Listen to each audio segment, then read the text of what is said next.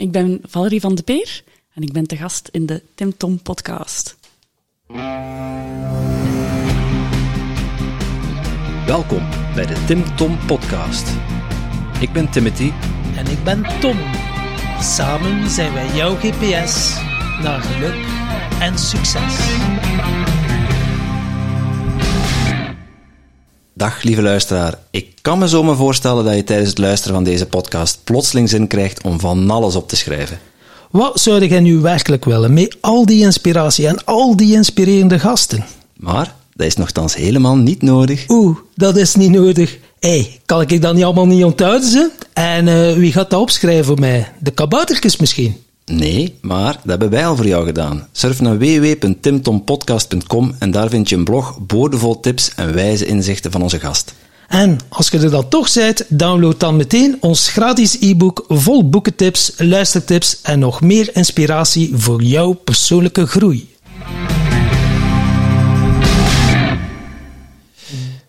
Dag lieve luisteraars en welkom bij alweer een nieuwe aflevering van de Tim Tom podcast.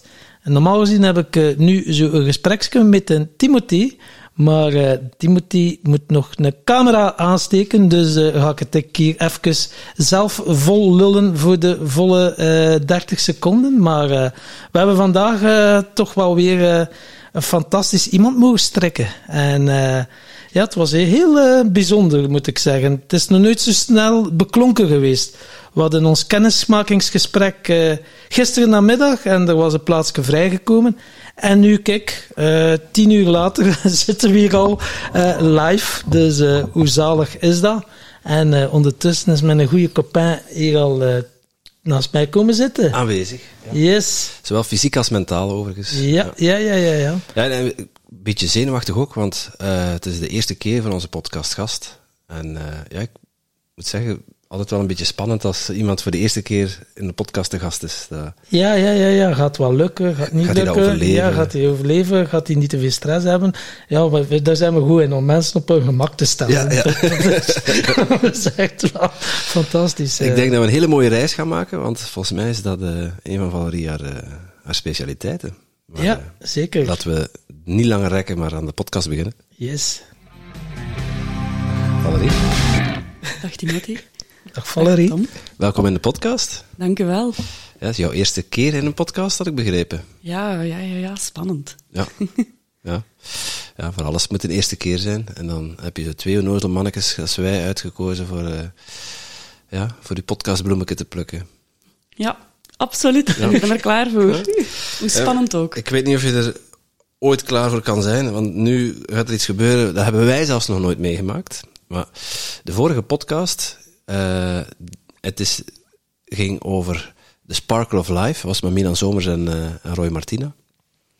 En uh, we hebben, Roy heeft Milan in, in trance gebracht en Milan heeft een entiteit van de negende dimensie opgeroepen om te spreken. En wij hebben daar een kort gesprek mee gehad. Dat was Hamid. En uh, we gaan, gaan, hebben aan Hamid gevraagd om de vraag voor de volgende gast te, bede te bedenken. Uh, ja, zoiets kunnen wij zelf ook niet bedenken en goed opschrijven. Dus we gaan het in de woorden van, uh, dus het is uitgesproken door Milan, maar in de woorden van Hamid aan jou laten horen, als dat oké is. Dus let op. Ik mag wel nog een vraag bedenken voor onze volgende gast. Voor de volgende gast zou het zijn. Als jij je daadwerkelijk durft naar binnen te gaan. En niet je zelfbeeld laat zien, maar je authentieke ik. Op welke, welke daad zou je dan nu kunnen verrichten die je ook daadwerkelijk in de podcast gaat doen? Misschien door een appje te sturen, de telefoon te pakken. Als dienstbaar, dienstbaarheid van de sfeer en de aarde. Wauw. Dat is wel uh, een, een heftige introductie. ja. ja, even zo luchtig beginnen, dachten we. Ik heb het ook al drie keer moeten horen. Want, ik wou juist zeggen, mag ik het nog eens horen? we zullen het kort samenvatten voor jou. Uh, maar Hamid vraagt aan jou of je uh, je zelfbeeld op dit moment wil laten vallen, even naar binnen wil keren en vanuit jouw authentieke ik, of er dan iets is wat je kunt bedenken, wat je nu kunt doen, in, tijdens de podcast, een telefoontje of uh, een appje sturen naar iemand, waarbij je dienstbaar bent, je, je spirit dienstbaar opstelt ten opzichte van de aarde. Hm, Ik heb het gevoel dat ik daar precies eens over moet nadenken. Dat kan. En dat Je- kan ook Je- tijdens je- de podcast. Ja, je hoeft het niet alle, alle minuten te doen, Nee. maar we gaan je eraan houden. Ja, dus dat kan tijdens de podcast dat ineens je voelt van... Ha. En dat is helemaal prima. Maar ik moet eerlijk zeggen, eh, ik ben heel blij dat ik die vraag niet kreeg. dat, eh, ik hoorde ze en ik dacht, wow. Maar zo, goh, die, die, die puurheid, die, die, die volheid, want we hebben daar echt 25 minuten, heeft Hamid aan het woord geweest en die heeft dingen gezegd. We mochten vragen stellen, maar het ging er iets over van dat ik nogal veel in mijn hoofd soms zit en dat ik zei van hoe kan ik naar mijn gevoel gaan of meer voelen. En die zei zo rake dingen en ik was even perplex. Ik kon echt even geen woorden meer uitstaan en ik dan dacht, en Timothy was een beetje hetzelfde, denk ik. eh, Dat Ja. was, eh, Ja, ik, heb tijdens de vorige podcast ook gezegd, mijn, mijn mind vindt er altijd van alles van. Van channelen, van mensen die andere contact hebben met andere dimensies.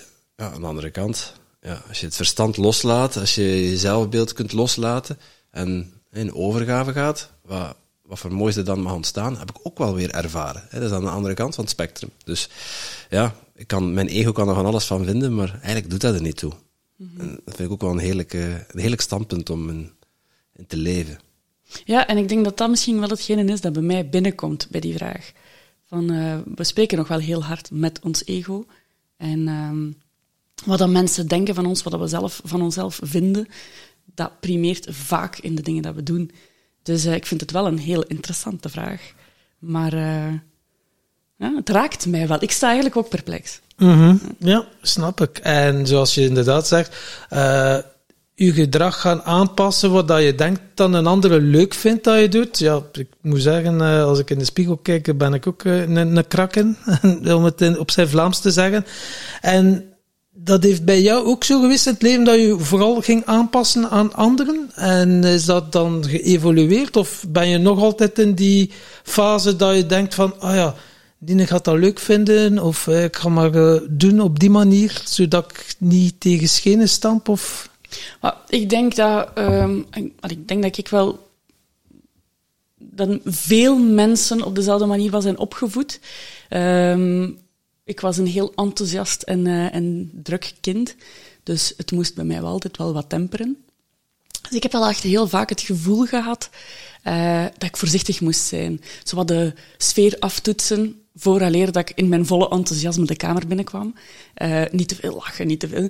En ehm, dat heeft mij misschien wel wat geleerd om, om die gevoelige eh voelsprit altijd op te zetten als ik eh, ergens binnenkom. Of, dus ik ben, ben daar wel altijd heel gevoelig voor geweest. En als ik dan ga terugdenken aan mijn jeugd, mijn tienerjaren, ik was eh, echt... ik ben blij dat ik mijn, mijn mama niet was. Ik hou mij vast aan de takken van de bomen voor mijn dochter of mijn zoon. Ja. Maar eh, ja, ik heb echt heel veel geëxperimenteerd, dingen uitgestoken op school, ehm, de leiding gepakt in de klas, op de banken gaan staan, brandblusapparaat leeggespot. Ik ben echt een, een, een stout, stout kind geweest. Ja. Dus ik liet mij zo wel leiden door ehm, ja, af, aftoetsen welke plaats dat ik eh, ja, te staan had in, in, in de groep. En ik merk wel dat dat heel lang geduurd heeft eer dat ik dat ben beginnen afleren. Ja, echt wel willen gezien worden Ja. op een manier. Ja, ja. Ja. Ik denk dat het dat is. Ja, daar kun je het rechtstreeks naar terugbrengen. Ja, maar het is eh, heel herkenbaar wat dat je zegt. Ook brandblussers leeggespoten? Nee, maar wel een emmer water leeggegoten over het bord. Dat ik het bord moest afvegen en ik zei, ik heb geen goesting. En ze zei, oké, ik zei, als je dan echt wilt, pak dan een emmer water en klets hem direct over het bord. Dus eh, dat was dan, dat was dan eh, nog wat dat er met krijt werd geschreven op het bord. Voor de, onze jonge luisteraars, dat werd vroeger nog gedaan. Hè? Wat is krijt? Ja, zo- zo de, de, rebel. de, de rebel in jou, je zegt van het heeft even geduurd voordat ik het heb afgeleerd, maar eh, zit het nog in jou? Ja, ja, ja absoluut. Eh, en ik denk, dat is iets dat, dat tot uiting komt, dat heel lang mm, verplicht niet mocht naar, naar buiten komen. En dat er dan in extremie naar buiten komt. Maar als je dat ja, vanuit je authentieke zelf doet en u echt, u echt jezelf bent, denk ik dat dat puur gaat over passie en enthousiasme. En dat is net iets heel moois. Maar dat heeft heel lang geduurd eer dat ik dat beseft heb. Dat dat iets moois is. En, Iets krachtig. Wat voor verschil voel je buiten eh, ja, dingen doen om, om de aandacht te trekken? Want ik denk dat dat beestje ook af en toe nog wel de kop opsteekt. Ik spreek ook uit eigen ervaring. Eh, dat je enerzijds, misschien gezien wil worden. Aan de andere, kant, andere kant dat je, ja, je passie en enthousiasme ongeremd is. Juist vanwege je authentieke zelf. Hoe voel je dat verschil? Maar ik denk, eh, een van de mooiste voorbeelden voor, allee, voor mij in de realiseren van het is eigenlijk iets moois en het mag er zijn, is eh, het besef dat ik ehm, ja, niet pas in het eh, maatschappelijk plaatje werkgever-werknemer. En eh, ik voelde heel de tijd frustratie op mijn werk. En ik wist niet wat dat was. Ik kon er mijn vinger niet op leggen en dat is jaren zo geweest. En ik had echt heel veel momenten dat ik kwaad was, maar dat ik niet goed wist waarom. En ehm, ik denk eh, twee jaar geleden, nee, wacht hoe lang? Ja, twee jaar geleden heb ik denk ik beseft nu weet ik wat dat is. Ik pas gewoon niet. Ik heb een te grote visie of missie eh, en ik voel mij niet vrij. Want ik word constant tegengehouden. En dat was vroeger zo, en dat was nu, en dat is, dat is door de maatschappij zo, dat was op mijn werk zo. En eindelijk wist ik wat dat was. En dat is ook het zaadje van hetgeen wat ik nu doe, natuurlijk, maar ehm, die vrijheid creëren voor mezelf, dat dat wel oké is om groots te denken en om dat gewoon echt te willen realiseren. En niet puur te dromen, maar echt gewoon ervoor willen gaan. Dat heeft mij heel veel inzicht gegeven in die passie en dat, dat, dat enthousiasme van, dat mag er eigenlijk wel zijn, want je gaat er misschien wel grootste dingen mee doen. En kan je nog terug naar dat moment, naar dat aha-moment dat je dat door had? Was dat er zo door één bepaalde situatie dat je dacht dat het in één keer allemaal zag? Zo van, wow, dat is het. Dat je zo de paradigma shift hebt eh, ervaren. Zo van, dat ineens een andere realiteit was. Dat je zo dacht van, wow, wat gebeurt er nu? Goh, het moet zoiets geweest zijn, maar ik kan het me niet zo op die manier herinneren. Maar het, allee, ik denk dat dat uiteindelijk ook al een klein beetje geleidelijk aangaat.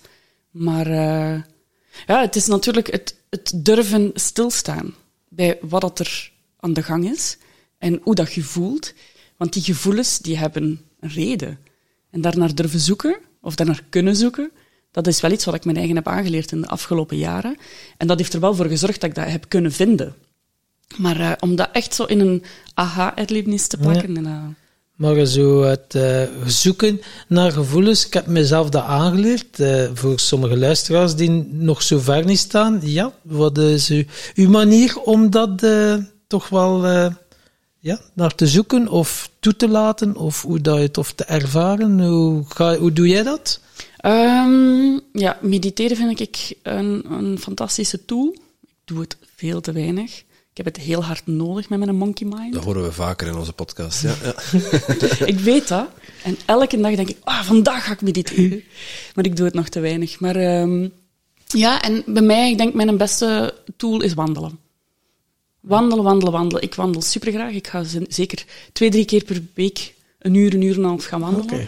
En eh, dan kan ik echt mijn geest op orde krijgen. Dan krijg ik mijn meest creatieve inzichten.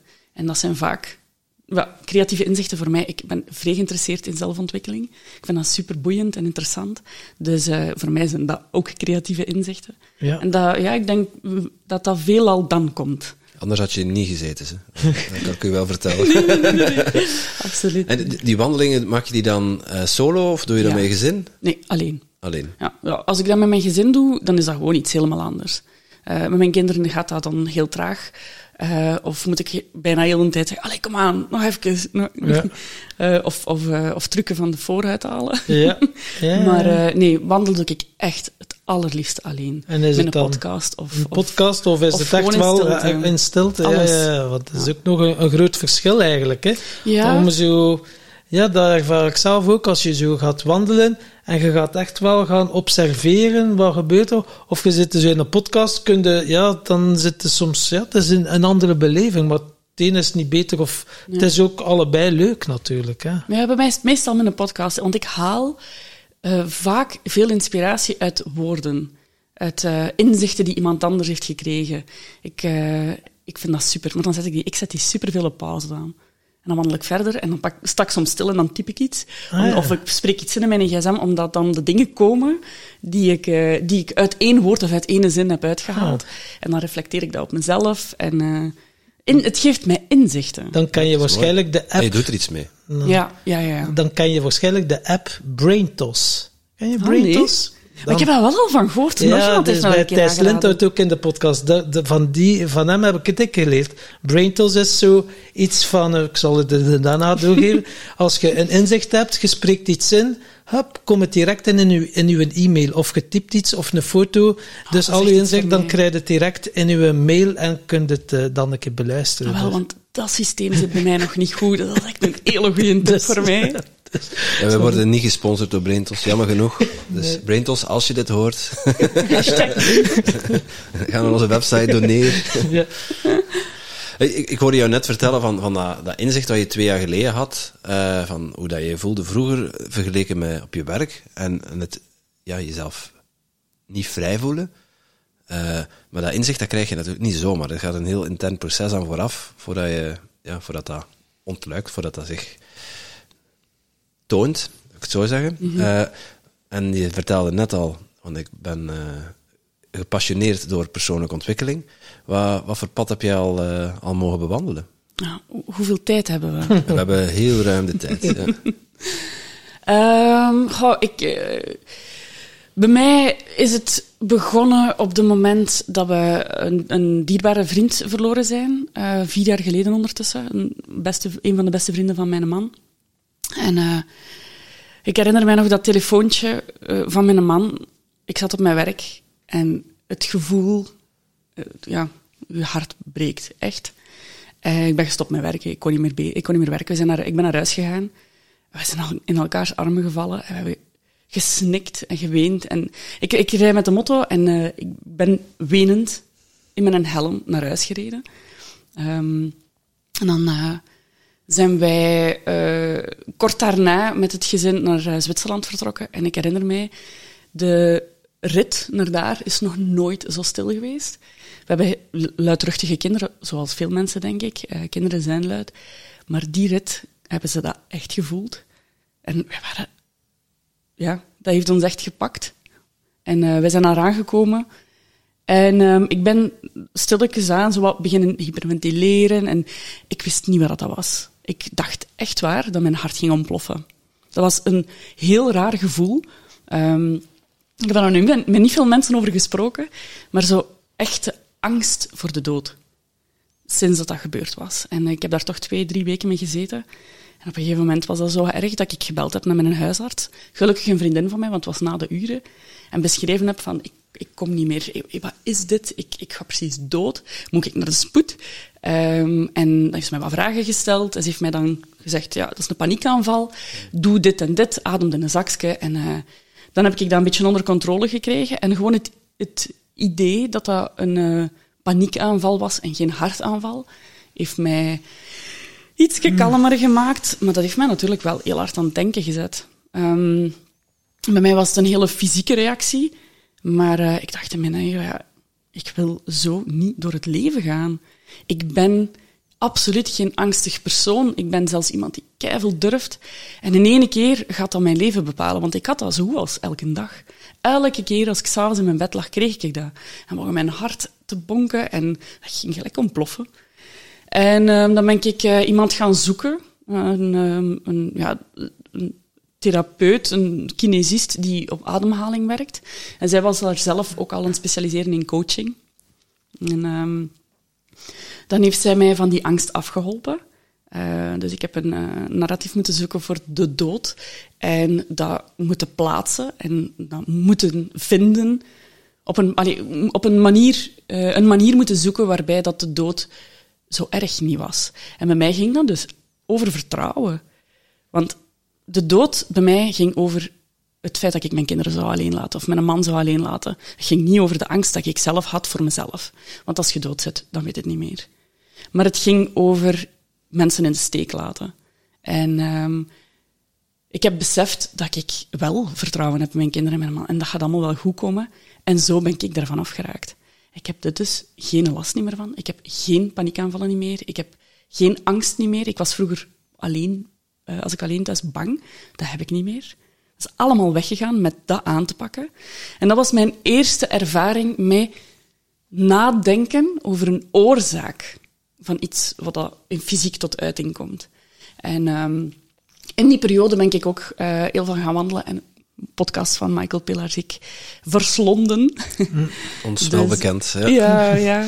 Dus, eh, en die heeft mij ook wel heel hard wakker geschud van ja, je hebt het allemaal zelf in handen, het is uw verantwoordelijkheid. En eh, hebben wij de knoop doorgehakt. We hadden al een auto gekocht, een grote 4x4, eh, om te gaan reizen. En we wilden naar Zuid-Afrika en Namibië. Maar we hadden geen haast. Maar ja, met de plots overlijden van, eh, van die vriend hebben we wel beslist van nee, we gaan hier niet meer wachten.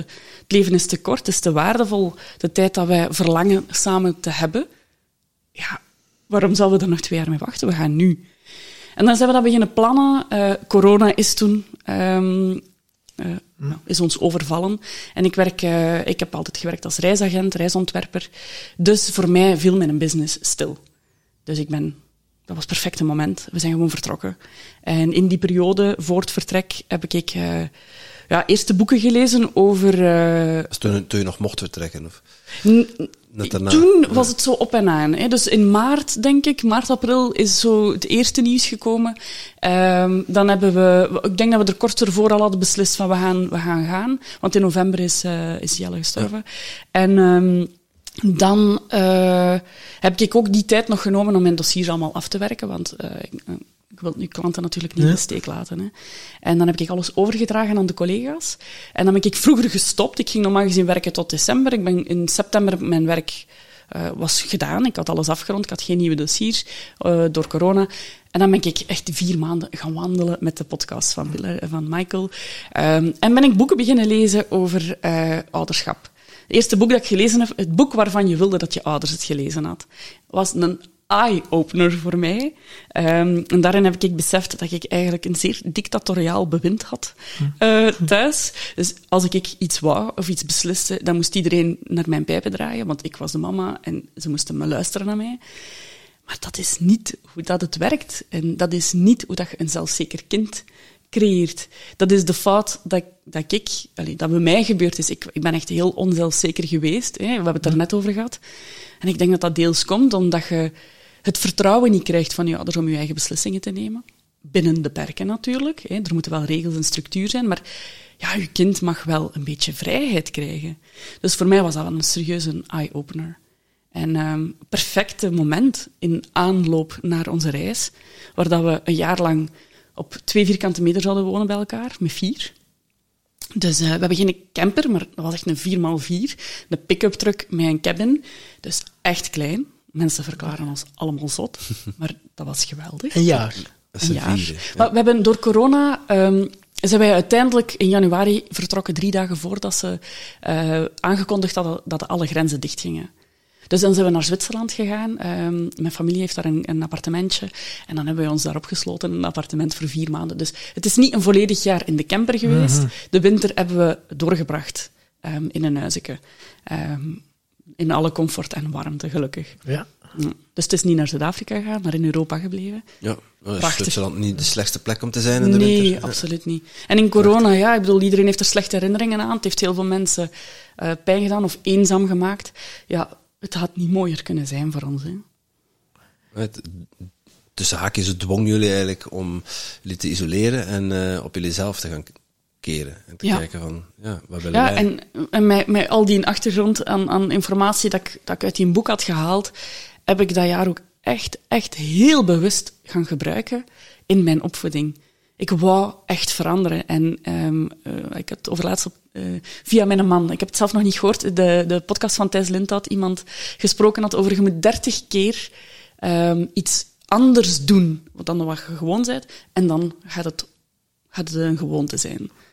Dus ik denk dat ik dat wel toegepast heb daar. Ja. Ik heb me echt durven, ja, als er een conflict was, hè, weer zo'n conflict, want van nee, kom aan, iedereen aan tafel, in plaats van als er iemand begint te wenen, te zeggen, en je gaat aan tafel komen en, eh, en we gaan eten, heb ik, ben ik er naartoe gegaan en ik heb me op mijn nukje gezet en gevraagd, maar en wat wilde nu eigenlijk? Wat is... Ah, je wilt je emmer vullen met al die stenen. En wat gaan we dan doen als ze vervuld zijn? Gaan we dan die emmer met die stenen aan uw stoel zetten en gaan we dan aan tafel? Ja. En dat was zo hartverwarmend voor mezelf, hè, Ja. dat ik in ene keer zo'n andere band kreeg met mijn kinderen. Langzaamaan, hè. Dat is niet in ene keer gebeurd. Maar gewoon door zo die andere aanpak zijn mijn kinderen eigenlijk... Die voelden zich zoveel meer begrepen, En gezien, ja. gezien. En ehm, ik mocht, ze mochten uit, hun wil uitspreken, of hun verlangen, of hun... Behoefte eigenlijk, dat Ja. werd vervuld. En eh, ja, Oh, dat was... Als ik daar nu aan terugdenk, voor mij is dat het schoonste cadeau dat ik gekregen heb in mijn leven, is die bewustwording. wauw. Ja. Ik Ja. ben echt een andere ouder nu. Mijn relatie met mijn kinderen is helemaal veranderd. Ik had vroeger twee papa's kindjes. Maar sinds dat ik veranderd ben, zijn, is dat... Wij zijn een alle kindjes. eh, allee, ze zijn zowel eh, hangen aan mij, ze hangen aan, aan, ze hangen aan elkaar, ze hangen aan papa. Ze, allee. Mama, kindje. Mappa. Een pama. Ja, maar ja, dat is heel mooi. Dat is ook maar een keer het bewijs. Als je wilt dat je omgeving verandert, begin met zelf te veranderen. Mooi. En eh, ja, dat is het uiteindelijk. Niet zo van, ah, jij moet dat en dat doen. Als je het extern gaat beginnen fixen en doen, om je eigen dan goed te kunnen voelen. Ja, ook binder dan dat. Ook eh, veel eh, geprobeerd, maar het werkt niet. Hè. Nee, nee, nee. moet van nee. binnenuit. eh, Er zijn geen lastige Ja. kinderen, er zijn alleen lastige ouders. Ja, maar ik denk, allee, daar is ook het zaadje. Dat, dat zijn allemaal dingen die meegespeeld hebben in, in, in wat ik nu doe, natuurlijk. Maar het, het, denk ik, een van de grootste zaadjes is de, de verantwoordelijkheid dat je hebt als ouder om naar jezelf te kijken als je een reactie ziet van je kinderen. Dat vind ik, ja, voor mij was dat echt de epiphany. Hè. Eh, daarvan bewust worden heeft mij zoveel gegeven en gebracht. Dus eh, ik kan het alleen maar ja, toewensen om dat te durven. Want dat is, dat is soms pijnlijk, hè? ja, ja. Het, is, het ligt ook 99% van de tijd Ah, aan u Ja, ja. en niet aan uw kind. Het is de spiegel, eh, Ja. die nemen de energie op en die gaan dan een keer even teruggeven. En dan wordt er van alles aangeraakt in uw systeem en dan, ja, dan zoekt u naar de triggers. Ja, en dat en dan, eh, ja, het is heel boeiend wel. Ja, Ja, en durven kijken naar hoe, waarom reageer ik zo heftig op dat wenen? En waarom mogen die niet wenen?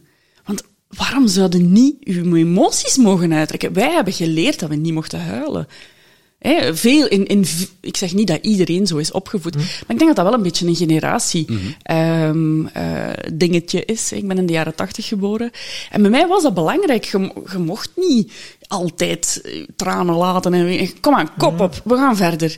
Maar zo leerde dat je niet mocht wenen of niet mocht eh, kwaad zijn. Of, eh, dat is echt iets bij, dat wij bij ons thuis echt op staan. En ik maak daar nog altijd fouten in, maar ik kan mij heel snel herpakken. Zeggen van, nee, je mocht wel boos zijn. Benoem het maar gewoon. Zit je boos? Zit je verdrietig? ik boos? Wat voelde? Ja. Is het omdat ik dit gedaan heb? Vertel het mij maar. Ja. Wij gaan dat gesprek echt aan thuis. Omdat ik wil echt dat mijn kinderen leren. Al die emoties. Schreeuw maar. Ja, ja, ja. Ween maar, roep maar, Pak gil. de brandblusser maar. Pak die brandblusser. Spuit alles op. Dus eh, ja, nee, ik vond dat wel... ehm Alleen met wat je nu juist eh, zelf zei, Tom, de, eh, ik was dat aan het oefenen en uiteindelijk allee, gaat dat wel wat door. Effect. het effect naar, naar iedereen, hè, dus het verschil in, in hoe dat de kinderen zich gingen gedragen. Maar ehm, ik denk dat dat ook het begin is dat ik be- begon te beseffen dat mijn man en ik heel hard... onze, ja, onze gezichten stonden echt aan de andere kant. Wij waren echt uit elkaar gegroeid. En dat, die, die reis samen heeft ons dat wel wat doen inzien. Dus eh, als wij terugkwamen, hebben we wel zo even terug zo in die... Ja, beetje, een paar maanden in, in de, terug de red race ingestapt en Ja. zonder nadenken. En, en dan echt gezegd van, nee. Ik, ik denk dat ik nu... eh allee, op die moment zei ik dat. Ik denk dat ik begrijp waarom dat mensen na een lange reis depressief zijn daarna. Hè, of triestig zijn, of, eh, of in de put zitten. En ik was van zin om dat niet te hebben. Ik ging dat niet doen, en ik heb dat ook niet gedaan. Eh, mijn man heeft, eh, heeft dat wel even gehad. Hij is echt terug fulltime beginnen werken, direct. In een bedrijf waar hij absoluut niet graag werkte. Hij is chemicus, ehm, werkt in een labo, een chemisch bedrijf, maar is eigenlijk de meest duurzaam denkende mens ter wereld. Een Dat was kleine mismatch, Zo, ja, zo tegen al zijn principes. eh, kunstmeststof, terwijl dat hij groene handen heeft en tegen kunstmeststof is in zijn tuin. Wauw.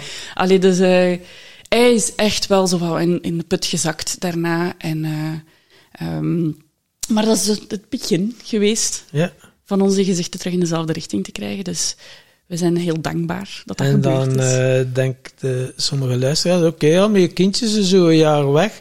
Eh, hebben die dan een jaar eh, schoolvakantie? Of eh, hoe, doe je, hoe, neem, hoe pak je dat?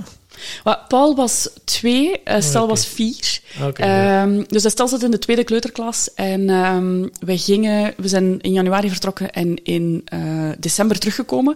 Dus de derde kleuterklas was sinds dat jaar toevallig ook verplicht. Ah, ja. Eh, blijkbaar omwille omwille van eh, taal willen ze dat de kinderen toch minstens eh, de helft, of ik denk meer dan de helft van de eh, 290 dagen of zoiets, denk ik, dat ze verplicht naar school moeten gaan. Oké, wauw. De Dus, eh, mee. Mijn kleine is nog geen twee, dus... Ah, wel, en eh, ik heb Is, toen... is, is, het, is het schoolplicht of leerplicht? Eh, schoolplicht. Ja. Eh, oh, leerplicht, leerplicht. Ja. Ja, Oh, leerplicht, excuseer. Ja. ik denk dat er in België geen schoolplicht Nee, is. ik dacht niet. leerplicht. geen in, flauw idee. in Ja. Nederland wel, maar in België niet. Ik heb mijn kleine en ik, ik schaam me een klein beetje dat ik dat allemaal niet weet. Maar maar ja, hoe, hoe oud is u? Nog geen twee. Ah ja, maar dan, dan is dat normaal dat je dat nog niet weet. Hè. Ik, heb dat ook, ik ben daar ook pas mee bezig sinds dat ze naar school gaan. Dus ik krijg zo nu de suggestie van, moet je niet aan een school gaan zoeken? Ik zeg, ja, ja maar ja, er is niet overal plek, hè. Al De angst al aan het inboezemen. Vreselijk. Ja, ja het, het ergste wat mij kan overkomen is denk ik dat we een thuis moeten eh, houden. Ja. En een thuis moeten leren, Maar ja, er gaat altijd wel ergens een plekje zijn. Hè. Ik denk het Denk ook wel. Maar vertel verder. Ja, Eh, eh, ehm, leerplicht, dus, hij moest dan naar de kleuterschool. Ah, wel, dus Paul zat toen, we zijn vertrokken als zij nog in de crash zat. En eh Estelle zat in de tweede kleuterklas. En dan ehm, in de helft van het jaar eh, kreeg ik telefoon in september. Ik wist dat wel op voorhand. Hè. Ik, ik had dat besproken met de directrice. Ik ben dat gaan vertellen. En ehm, ehm, we hadden op basis van het gesprek ook wel beslist van... Laat ons proberen dan terug te zijn in de helft van dat derde kleuterklasje. Dat ze toch die voorbereiding hebben voor dat eerste leerjaar. Want ik zou het wel jammer vinden dat door ons... Ja. Of, of om echt zo verplicht te zijn om echt dingen te gaan aanleren. Daar had ik ook niet echt heel veel zin in, in alle eerlijkheid. Eh, want dat kun je ook doen. Hè. Je kunt gewoon beslissen om je kinderen les te geven en dan is het oké. maar daar had ik niet zoveel zin in. Ehm, dus we hadden die beslissing genomen. En, eh, maar ik kreeg dan wel telefoon. Als, ik herinner het mij nog goed. We zaten op een camping in Hongarije. En het CLB belde. Ehm, de juf moest het aangeven. Dat is verplicht. Dat was gewoon standaard procedure. En CLB belde zo, zo heel ehm, vingerwijzend, eh, voelde het voor mij. Maar ik heb echt gedacht, oké, geen probleem, wat dat wij doen is fantastisch.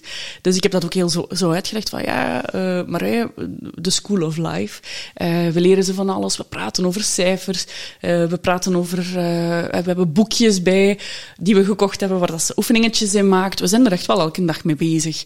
Plus, ze leren veel, hè. Ze, ze leren zelfs Engels, ze leren kindje, kindjes, Ja. allee, het sociale. En dat gesprek draaide in een mum van tijd om. En het eindigde eigenlijk met, oh, fantastisch wat dat jullie doen. Ik kom ook Doe maar. Dus, dus Ja, ze, hebben dan het vertrouwen dat je, hey, dat je het wel serieus om met de ontwikkeling van je kind Ja, bezig bent. Daar gaat het eigenlijk over. Hè. En als je dan gewoon op een, op een rustige manier dat gesprek kunt aangaan en zeggen van, kijk, dit doen we. En ik heb haar gevraagd, ik zeg van, is er nog iets dat je mij kunt adviseren? Dat ik beter kan doen om haar goed voor te bereiden? Nee, nee, geen probleem. En effectief, een week nadat we terug waren, is de juf naar mij gekomen en gezegd, amai, super, ze is echt mee. Ze kan alles, ze zit op schema, dus ja, zeker naar het eerste leerjaar mogen. Dus het Ja. allemaal in orde. En nu natuurlijk, ja, kindjes worden ouder en ouder. En dan is het natuurlijk eerste studiejaar. En wat moet je dan allemaal leren? eh we worden allemaal geprogrammeerd als Mr. Googlekus. Dan, eh, dan denk ik, ja, oké, het zal wel. Maar eh, ja, want ik vermoed dat de reismicrobe, ja, die nog altijd aanwezig is. Dat je toch nog graag met gezin toch langer dan twee weken eh, weggaat. Ja, absoluut. Het is wel... eh, allee, de moment dat we terugkwamen hadden we wel altijd gezegd, dit gaan we absoluut opnieuw doen. Ehm, maar wat dat we niet gedacht hadden toen, op die moment, was gedurende dat jaar dat we thuis waren, wat dat er dan allemaal ontwikkeld is. hè. Dus ik heb ondertussen mijn eigen bedrijf. Geert heeft ondertussen zijn eigen bedrijf. Oh. Dus dat maakt de situatie wel helemaal anders. kunstmest? eh, nee. Nee, absoluut niet. Nee, nee, nee, maar hij is wel met zijn, met zijn groene vingers verder gegaan. Ja, dus hij, hij groeit chilies en maakt gefermenteerde chilisaus. Oké. Ja. Wauw. Ja, dus eh, hij groeit een paar de speciale chilies groeit hij zelf. En Ja. eh, de, de, de meer standaard chilies laat hij, laat hij groeien in grotere hoeveelheden. Oh, wauw. Ja. Maar eh, ja, we gaan, we gaan het er niet te veel over Nee, chilies nee, nee, hebben. nee, Eh, gaat niet over hem. Ja. Want Misschien de reis naar Chili. Ja, dat is misschien nog interessant. ja, staat dat nog gepland? Maar, ehm, ja, die reismicroben. Dus ja, ik ben altijd reisontwerper geweest. Eh, eh, eigenlijk is dat een fancy woord, woord voor eh, reisagent. Hè? ja. Ehm, en ehm, ik heb wel beseft. Wat, ik, ga, ik ga even terug, terug naar Hongarije. Ik heb op diezelfde camping van het CLB-telefoontje. Het is 12 uur rijden, hè? Ik weet niet of je... Wat weer? Dat is minstens 12 uur rijden, hè? Naar Hongarije. Ja. Vanaf hier. Dat is een grapje ja, dat Ja, hij nu nog een keer even terug naar Hongarije gaat. Dus hij zit eh, volledig... Het is een intimer. Ik hè. naar- Het mee in naar- moment. hè. Ja, ja, ja. Maar ja, het- ik, ik begin hem al te kennen, jong. Ik begin hem al te kennen. Eh, nee, dus eh, heb ik ook een telefoontje gekregen van mijn er- ex-werkgever. hè. Dus ik had op die moment, als we vertrokken, beslist... ehm, van ik ga mij niet engageren en zeggen ik kom binnen een jaar terug, want dat hadden ze gevraagd. Omdat ik niet wist, wat gaat dit mij veranderen? Ik voelde dat ik echt wel dat pad van die zelfontwikkeling opgegaan was. Ik wist niet wat dat met mij ging doen. Ik wou echt afscheid nemen en we gingen een koffie drinken als ik terugkwam. Dus hij belde mij en zegt, hè, wat zijn uw plannen? Ga jij terugkomen? Want we hebben hier wel een plaatsje voor u. Eh, ik zeg van ja, nee, we zijn nog minstens een half jaar weg. We zitten nog maar in een helft van ons reis. Eh, ik kan dat nu nog niet zeggen. Maar natuurlijk, je denkt daar wel over na. Van wat wil ik nu? En ehm, ik had daarvoor ook wel al het idee om zelfstandig te worden, maar dat was een zeer, zeer groot idee. Eh, ik wou echt virtuele reizen gaan maken. Ik heb altijd duurzaamheid heel belangrijk gevonden. En in het begin vond ik vooral die negatieve impact beperken belangrijk. Dat is nu helemaal veranderd. Ehm, Nu zoveel mogelijk negatieve impact. Nee, nee, nee, nee. Nu vind ik het belangrijker om de positieve impact eh, te vergroten. Het is belangrijk dat je dat beperkt, Ja, maar... het is gewoon uw standpunt. Ja, mijn standpunt is daar wel wat anders in geworden. Maar op die moment had ik heel hard het gevoel van, oké, we moeten minder vliegen, we moeten...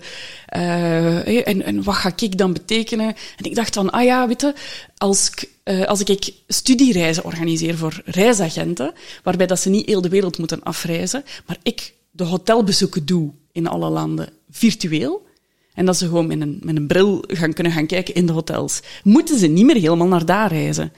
Maar dat zou een gigantische financiële investering geweest zijn en een gigantische investering in tijd. En door dat telefoontje van die ex-werkgever heb ik heel hard nagedacht en heb ik wel beseft, die tijd wil ik niet missen van mijn kinderen. Die zijn nu, tegen dat we terugkwamen, drie en vijf. Ja, dat is, die zijn nog zo jong en ik zou gewoon heel de tijd in het buitenland zijn. Om die basis te leggen, die databasis van al die hotels dat ik moet gaan filmen. En, ehm, Je hebt in het begin van een bedrijf ook niet de financiële middelen om een heel team weg te sturen en jij thuis te blijven bij je kinderen. Dat, dat, allee. Nee. Dus dat heeft mij wel wakker geschud. En ik denk, ik ben iemand die heel snel beslissingen neemt. Ik ben daar heel... allee, eh, eh, ik kan Beetje impulsief. heel beetje- impulsief beslissingen nemen. Maar ik ben heel dankbaar dat ik op die moment tijd heb genomen om na te denken. ehm, wil ik dat echt? Door dat telefoontje heb ik echt nou, maanden nagedacht. En heb ik beseft, nee, dat wil ik eigenlijk helemaal niet. Dus ik ben terug begonnen bij diezelfde werkgever als Afrika-specialist, maar ik ben daar ook duurzaamheid gaan doen. En dan ben ik beginnen opleidingen volgen en dan is mijn wereld nog meer opgegaan, hè, over duurzaamheid dan. En dan ben ik die positieve impact beginnen ontdekken. En hoe belangrijk dat reizen eigenlijk is voor kleine dingen zoals enerzijds voor jezelf open geest, niet discriminerend denken, eh, dankbaarheid, nieuwsgierigheid, leergierigheid, ehm, maar ook aan de andere kant wat een impact dat dat kan hebben. Op als je echt kunt reizen, ver weg van de platgetreden paden, en niet die massatoeristische bestemmingen bezoekt, wat voor een economische impact dat je hebt. En geld eh, creëert mogelijkheden voor onderwijs en voor medische zorg. En er zijn heel veel plekken waar dat, dat echt nog niet ontwikkeld is en waar dat toerisme Ja, dat financieel ja. bijdraagt op kleine schaal. En je hebt niet veel nodig. En de economische impact is tweeledig, hè? Want ja, je, haalt, je hebt als reiziger ook veel meer waarde voor je geld, omdat je dan plekken bezoekt waar je niet uitgezogen wordt. Absoluut. Omdat je toerist bent, maar je bent juist Gast. ja, een welkome gast. Je bent te gast. En het is niet meer, ik ga, in, gelijk, gelijk dat je naar de zoo gaat, ik ga kijken naar iets. Je gaat ontmoeten. En daar heb je alle twee iets aan. Je gaat met elkaar praten, je gaat in gesprek gaan. Die ontmoetingen zijn helemaal anders als, er niet, als dat niet is opgezet. Ontmoeten. Ja. Ah, en ik vind, voor mij was dat een, een openbaring. En dat is, op die moment is alles samengekomen bij mij. Dat bewust ouderschap, dat reizen en dat reizen ontwerpen, want dat is hetgene wat ik het allerliefste doe. Ik kan dat ook goed. Ik ben altijd geïnteresseerd geweest in de psychologie. Als ik opnieuw zou moeten kiezen, zou ik twijfelen tussen aardrijkskunde of psychologie. Maar eigenlijk doe ik dat. Ik combineer dat in toerisme, want ik ga praten met de mensen en ik ga uitvogelen wat dat de mensen gelukkig gaat maken. En ik ga daar de juiste dingen aan koppelen, zodat die mensen echt genieten van hun reis. Dat is wat ik doe op maat werken. Wauw. En, en dus dat is samengekomen, dat aardrijkskunde en, en psychologie is samengekomen. En dat heb ik ook wel beseft tijdens mijn reis. Hè. Dus dat reizen ontwerpen, ehm, de connectie met de mensen, de verbindingen, die andere manier van reizen dat ik een beetje ontdekt heb, die ontmoetingen met die mensen, die ver weg van platgetreden paden. Tijdens onze reis hebben we ook regelmatig uitgenodigd bij de mensen thuis. Ja, die gastvrijheid, dat is zo echt, dat, dat raakt mij. Ik zou daar een traan voor kunnen laten, omdat dat mij zo diep raakt. Die ontmoetingen, zo simpel. Maar dat zijn de schoonste herinneringen dat er zijn. Niet die een luchtballon vaart, maar het is de mensen waarbij dat je thee gaat drinken. Dat onthouden. Want dan zeg je inderdaad, alles komt samen, maar je bent dan nog in loondienst. Dan maak je de beslissing.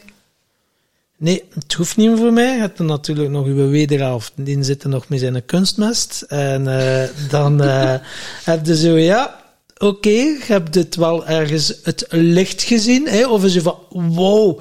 Maar ja, oké, En nu, je hè? hebt een droom. En dat is allemaal leuk en aardig. Ik, met Timothy, we kennen dat ook. We hebben ook heel veel dromen. En, maar ja, Liggen voor- s'nachts wakker van, van de dromen. Ja, ja. maar als, vooral dat het dan ook werkelijkheid wordt, ja, dat is dan, dan voelde van, oké, vrijheid dat, ah ja, ondernemer worden, hè, een bedrijf opzetten.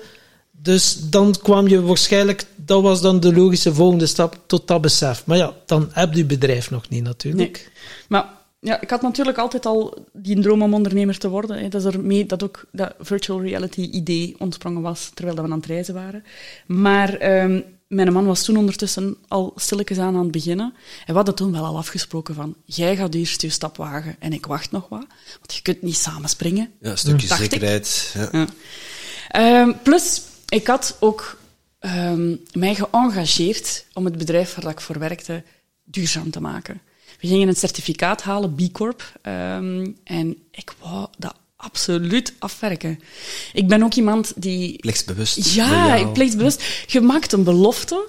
En ik wist ook dat zij daar geen tijd voor hadden als ik ging weggaan.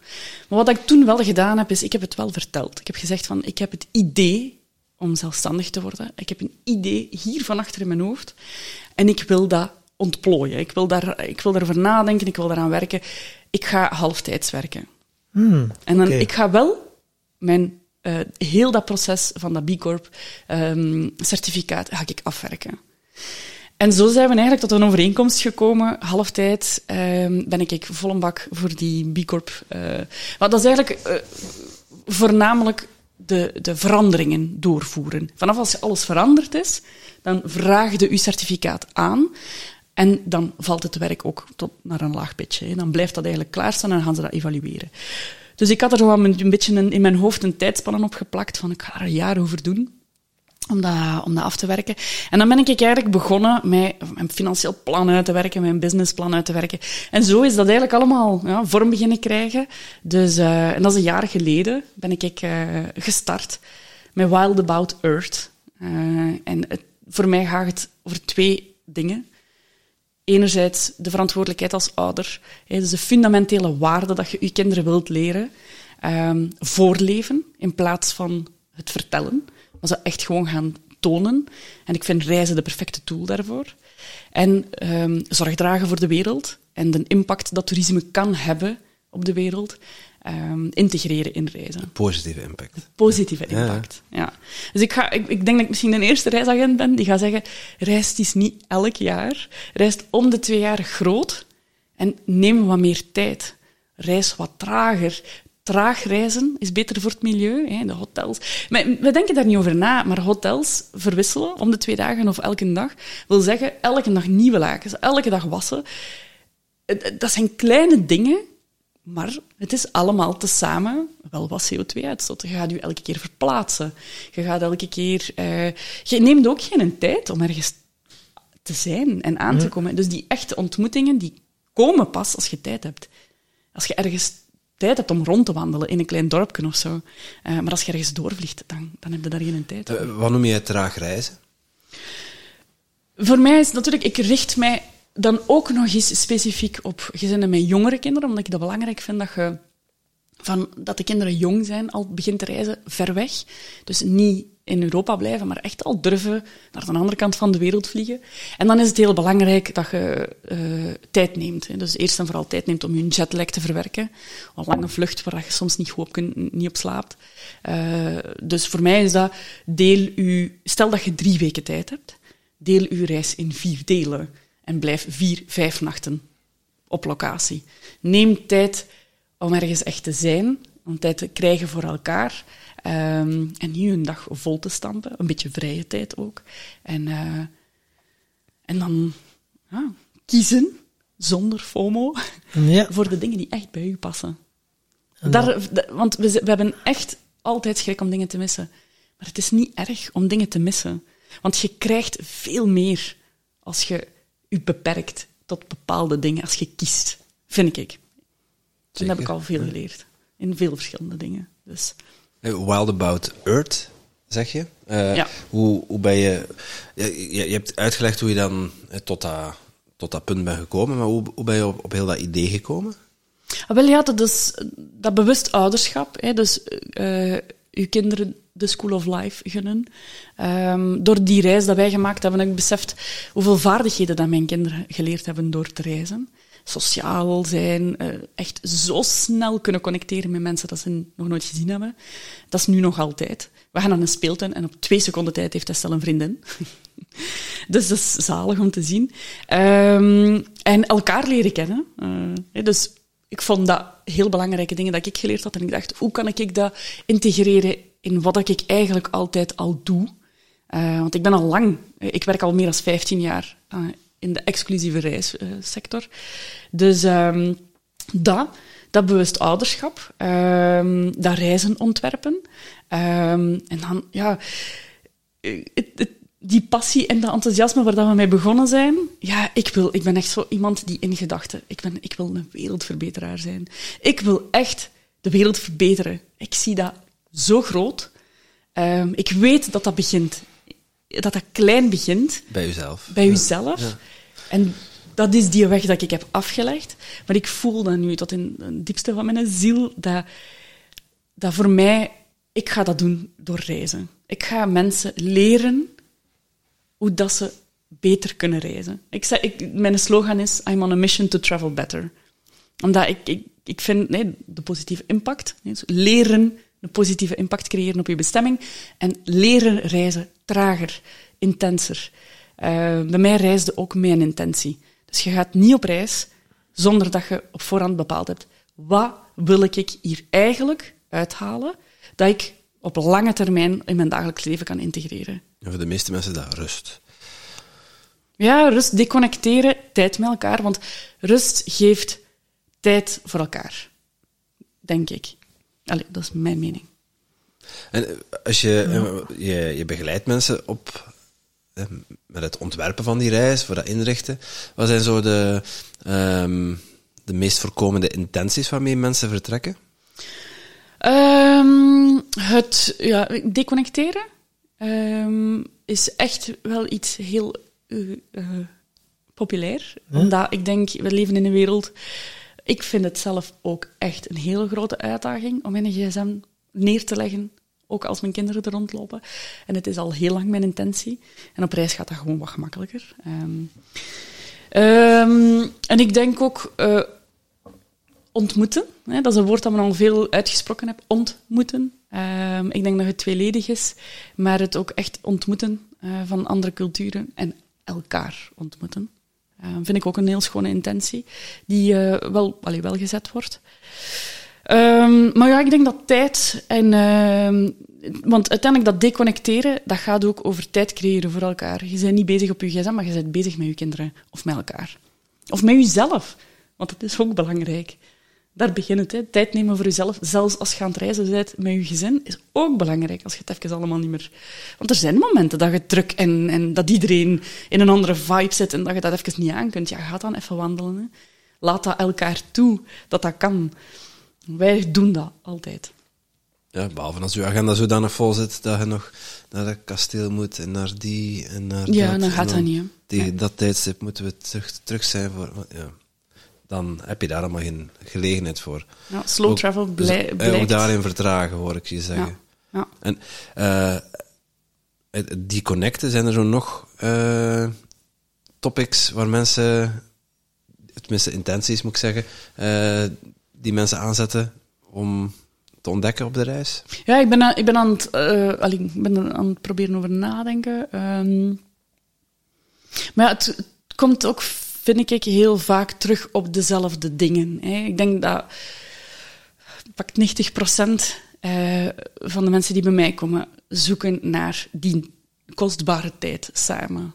Ik denk dat dat uiteindelijk altijd daarover gaat. Want als mensen uitspreken, we willen eh, onze gsm, we gaan, onze intentie is om onze gsm opzij te leggen, dan gaat het in Ja, wat ze eigenlijk zeggen. Ja. dan gaat het daarover. Ehm, dus ik merk wel dat dat iets is, ehm, ja, of, of meer in het nu zijn, ehm, komt ook wel. Ook een hele belangrijke. En dat is ook zoiets wat je vooral eh, op reis oefent. Jammer genoeg, hè, want ik denk dat mijn intentie wel echt is om het op, op meer en meer en meer in je dagelijks leven te beginnen integreren. Ik merk bij mezelf ook dat dat niet altijd lukt. Eh, ik heb altijd schone voornemens, maar eens dat je terug bent en je mailbox open gaat er gewoon lekker terug mee in die... Ja. Eh, maar ik denk, de moment dat je bewust wordt van dingen en dat je daar echt bewust mee bezig bent om, om dat te oefenen, gaat het er altijd maar beter en beter in worden. En zo'n reis verlaagt natuurlijk de drempel om daarmee bezig te zijn. Ja. Dus dat snap ik wel. Ja, je krijgt ineens tijd. Er is tijd om bij elkaar te zijn en door het tempo dat ik verplicht. Want bij mij is het altijd trager. Ehm, je gaat bij mij niet komen als je alles wilt gezien hebben op twee weken tijd. Dan, dan zijn bij mij gewoon weg niet aan het juiste adres. Ik, ik ga ervoor voor eh, langer en trager te reizen. En dan voor de reizen die je ontwerpt. Sommigen hebben dan zoiets, oké, we zijn met vier, twee kindjes, met vier. Als wij een keer op reis willen gaan tijdens de vakantie, ja, moet al rekenen een budget van 8000 euro of zo. Is het dan ook als je gaat reizen naar de niet-toeristische dingen en je gaat lokaal kijken, is dat dan een verschil in prijsklas? Of, of hoe moet ik mij daar iets bij voorstellen? Ja, maar ik ga je teleurstellen. Hoe massatoeristischer, hoe goedkoper. Oké. Oké. Op het moment dat je ehm, weggaat van platgetreden paden, heb je andere eh, logistiek nodig. Ehm, en, eh, mijn reizen zijn zeer exclusief, dus ik, omdat het vaker met jonge kinderen gaat, maar ik help mensen die aangaan op mijn verhalen. Ook met oudere kinderen, ook multigeneraties. Ehm, ik heb ook al gewoon koppels geholpen die het idee fantastisch vinden. Dus ehm, het, het, ehm, het Amai. Ah ja, het exclusieve karakter gaat erover een veilig kader creëren voor ehm, met jongere kinderen of met kinderen op, op stap te gaan. En wat ik bijvoorbeeld doe, is in Mongolië eh, een privékamp opzetten. In de bergen, eh, West-Mongolië. Een plek waar dat zo goed als geen internationaal toerisme komt, wel lokaal toerisme. Maar dat privékamp staat aan een heilige rivier en daar zie je niemand, geen toeristen. Ik ben daar deze zomer geweest met mijn twee kinderen eh, om dat allemaal op punt te zetten. Om dat kamp op te zetten en eh, de kok te ontmoeten en zo. En eh, de nomade gezinnen, want het gaat erover dat je in dat privékamp slaapt, maar de activiteiten zijn de nomade gezinnen die in de buurt wonen ontmoeten en mee jaks gaan melken of mee de schapen gaan hoeden, even deel uitmaken van hoe dat zij leven en uitgenodigd wordt bij hen thuis. Um, en de, die dat nomade gezin zag voor de allereerste keer in hun leven iemand met mijn huidskleur. Dus dat was heel uniek voor hen, heel uniek voor mij. We hebben echt een heel leuk gesprek gehad, met een vertaler uiteraard. Zij hebben geleerd hoe dat onze koeien, um, jammer genoeg, vol schaamte, uh, onze koeien uh, ge, ja, gehouden worden, of um, hoe dat melkproductie in elkaar zit bij ons, en hoe dat zij dat doen, uh, heb ik geleerd. Dus dat was heel ja, interessant. Ja. Um, maar daar hangt natuurlijk wel een prijskaartje aan vast. Hè. Je vliegt naar een plek waar dat weinig vluchten op vliegen. Dus soms heb je zelfs een privévlucht nodig, omdat je ergens naartoe gaat waar je anders niet geraakt. Mijn jonge kinderen gaan ook niet elf uur in een auto zitten, want dat is een vakantie. Hè. Dat wilde niet. Uh, toch geen verschillende keren, ik zal het zo zeggen. Hè. Ergens ja. naartoe gaan of ergens van terugkomen, dat is iets anders. Maar niet in uw reis, drie, vier keer. Um, en een privékamp opstellen uh, met, een, met een chef. Want kinderen en eten, en zeker in Mongolië, met gepasteuriseerde jakmelk, is niet zo uh, populair. Zeker niet bij een zevenjarige, heb ik gemerkt. Dus de privéchef die ook die zegt van, ah kom, laten we samen dumplings, typische Mongoolse dumplings maken. Ja, dat smaakt al veel beter, omdat ze geholpen hebben. Hè. Mm -hmm. Dus um, in, in Colombia bijvoorbeeld gaan ze uh, naar de cowboys. Dus het is echt nog een cowboygemeenschap. Um, en, maar daar gaat het dan slapen in een ecolodge. Um, in Afrika gaat het mee met het conservation team. Maar daar gaat het eigenlijk door donatie gaat de extra middelen creëren voor dat team on the, on the ground. Zij gaan uh, daardoor met een helikopter weg kunnen en extra uh, kunnen taggen, notchen, uh, also zo halsband aandoen mm -hmm. en DNA-samples nemen en zo. Maar door die donatie als gezin krijg je eigenlijk de, de gelegenheid om mee te gaan voor een paar uur met dat team en leggen zij alles uit. Dus als er een olifant onder verdoving en die kinderen mogen daar rondstaan en die mogen die aanraken, die mogen DNA-samples nemen. Ja, wat voor een schone boodschap mm. geefde. Maar daar hangt natuurlijk altijd een prijskaartje aan vast.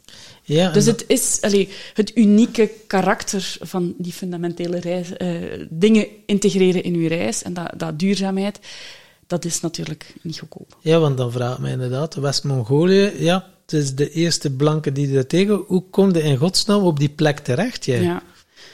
Ja, wel, ik... Uh, ik heb... het is iets langer dan twaalf uh, uur in de auto zitten. ja. nee, ik heb, ik heb een, een, een, vlucht genomen toen naar een klein dorp, um, maar wel, dat wel bekend is voor lokaal toerisme. Dus je hebt daar de Mongolian Sand, uh, en dat is een, een deel van de Gobi-woestijn. De Gobi-woestijn is zo goed als bijna heel Mongolië. Iedereen kent dat met de kamelen en de, en de duinen, maar het is veel meer dan dat, het is veel groter.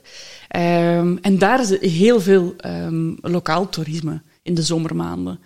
Um, maar ja, het moment dat we de bergen ingetrokken zijn, dan was er geen toerisme. Geen, geen lokaal toerisme, geen internationaal toerisme. Daar creëerde echtheid. -hmm. Daar is het dat aanwezig. Ja, ook nog aanwezig. Ja. Heel belangrijk voor mij, dat mag dan ook niet. Dat, allez, ik, ik, ik zou het echt jammer vinden, moest dat dan gecommercialiseerd worden. En dus uh, ja, het exclusieve karakter uh, zorgt er ook voor dat ik niet heel de wereld kan helpen. Um, dus voor, ik ga er alleszins niet elk jaar iemand naartoe kunnen sturen. Het zijn echt wel kleinschalige projecten ja. om dan met die middelen ja. hele mooie dingen te gaan verwezenlijken. Ja, ja en, en dat zijn de extremen, hè, de grotere dingen, maar er, zit ook, er worden ook heel kleine elementen geïntegreerd. Bijvoorbeeld als je in Colombia landt, in Bogota of in Medellin, um, ja, daar zijn ook hele unieke en toffe dingen. Ik vind, er zijn drie, um, drie dingen die verbinding creëren. Zonder taal. Allee, dat, er, dat, er geen, dat er geen taalbarrière moet zijn. En dat is uh, spelen. Hè, voetbal bijvoorbeeld. Een voetbalmatch organiseren. Eten. Eten is iets wat dat iedereen doet en dat maakt iedereen nieuwsgierig. En muziek. Ik vind dat drie heel toffe elementen om te integreren in reizen, om net die verbinding met een andere cultuur gemakkelijker te maken. Ja, het is gemeenschappelijk, maar het is ook heel anders in een andere cultuur elke keer. Ja. het zijn mooie, mooie elementen. Ja, wel, en dat probeer ik dan wel. Stel dat je zegt van oké, we landen in Bogota, dat is een gigantische jetlag. Ja, dan wilde niet direct terug drie uur op, eh, twee uur op een vliegtuig wachten om volgende vliegtuig pakken. Of een autorit van acht uur om de natuur in te trekken, om even te landen. Nee, land dan in die hoofdstad. Slaapt comfortabel in een schoon hotel, met een schoon kamer waar je even kunt relaxen. Met jongere kinderen misschien zelfs met een zwembad bij, omdat het warm is. Maar ga dan overdag, in de namiddag, voetballen. Ga voetballen, ga naar school, ga voetballen met die kinderen daar. We organiseren dat. Hè. Ehm, ga s'avonds op bezoek bij muzikanten. Laat ze een keer tonen wat voor instrumenten dat ze bespelen. Laat ze een concert geven. Ga in gesprek. Integreren, die kleine dingen integreren naast een standaard stadsbezoek. Ja. En dan maakt het... ehm, dat, maakt ervoor, dat, dat zorgt ervoor dat je op een rustige manier je eigen cultuur wat kunt loslaten en dat je een veel opere geest krijgt voor wat er nog gaat komen in die vakantie. En daarmee dat ik dat eigenlijk wel heel tof vind om te starten in een hoofdstad. Omdat je dan... Je komt in een iets of wat westers... eh, allee, westers, nee, dat is, een, een, ehm, dat is absoluut een fout woord. Ik neem dat terug. Nee. Ehm, een, eh, ja, civilized, hoe zeg je dat? Beschaafd. Ja, een iets, iets, besch- Beschaafde ja, een iets ontwikkelder... ehm, Westers dus. Beschaafd is ook niet zo. Gewoon iets meer wat, wat vergelijkbaar is met onze levensstandaard. ja, wel, wat dat we... Wat dat we gewoon wat dat zijn. we gewoon zijn. Want anders is niet... eh, Allee, ik, ik ben absoluut niet oordelend over... Jawel, eh, ja. En het is niet, omdat, niet dat wij, dat, dat ze in, de- in, in Afrika en de Bruce niet beschaafd zijn of zo. Ik bedoel, Nee, ja. nee, nee. Het is anders. En soms is dat contrast te groot om direct mee te starten. En dus naar een grote stad gaan, gaat het toch nog net iets meer herkennen van hetgeen. Dat is veel beter gezegd. Je gaat meer herkennen wat je gewoon bent. En het, toch is het al anders. De taal is anders, de gebouwen zien er anders uit, het verkeer loopt anders. Dus je, je wordt als je de Antwerpen manier- vergelijkt met Wachtenbeken ook al. Dus. Ja, ja, ja, juist hetzelfde. Ja. Zachtjes aan. ja. Gewoon de kleine stapjes. Kleine Eerst- stapjes. acclimatiseren. Vlaamse Ardennen Eerst- gaat. Ja, eerst acclimatiseren. Ja, het acclimatiseren uiteindelijk. Ja, ja. Even de vibe voelen en zo, om dat geleidelijk aan, dat proces zo van, oké, om dan uiteindelijk ja, in de broesen terecht te komen of Ja. zo. Want ja, ik herken dat als ik zo mijn backpack rei- reizen naar Azië, naar Laos of Cambodja of Thailand. Ja, je komt ook eerst ergens waar dat het wat toerisme, dan ga je toch, ja, was mijn leer, was voor mij ook wel heel belangrijk om echt wel die andere paden te bewandelen. Niet dat toeristische en eh, zo echt bij die lokale bevolking eh, daar te ontmoeten. En dat Ja. is zo mooi. Maar ja, als het dan al op voorhand al is geregeld, is het ook wel fantastisch. Want ja, niet, heeft er- niet iedereen heeft er zin in om dat allemaal uit te zoeken en noem maar op. Je hebt wel veel forums. Maar ja, daar steekt er uren, uren tijd in om alles zo uit te zoeken en er contacten mee te hebben. Als het iemand voor jou doet, die precies op maat dat allemaal kan doen wat jij zin in hebt, ja, dat scheelt wel heel veel tijd. Ja, maar ik denk dat er heel veel mensen zijn die dat ook wel het leukste vinden aan het reizen. Ze zeggen altijd, uw reis begint op het moment dat je beslist hebt naar waar dat je naartoe gaat. Of zelfs ervoor, hè, dat je Ja. aan het beslissen bent waar dat je naartoe gaat. En het organiseren ervan. Ja. Sommige mensen vinden het organiseren leuker dan het reizen zelf. Oef. Nee, mij niet, ge- mij niet gezien.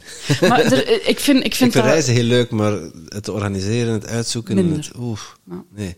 Ik heb er al ik geen het goesting meer om te wat vertrekken dan. Ja. Ja, kun je een Ja, tijd nog een keer verschil- gebruiken. En, eh. Maar het grote verschil is, gelijk onze grote reis, ik, ik, ik denk dat ik dat wel beseft heb, dat ik wel redelijk controlefreak ben. Hè? Dus het graag tot in de puntjes organiseren, vind ik superleuk.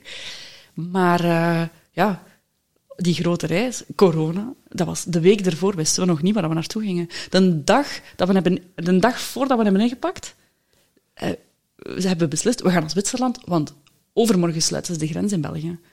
Dus dat was echt, eh, wat hebben we? We hebben helemaal geen skikleren, of we hebben geen warme kledij. Dus wat thermisch ondergoed, zomerkledij, want ja, we gaan een jaar weg.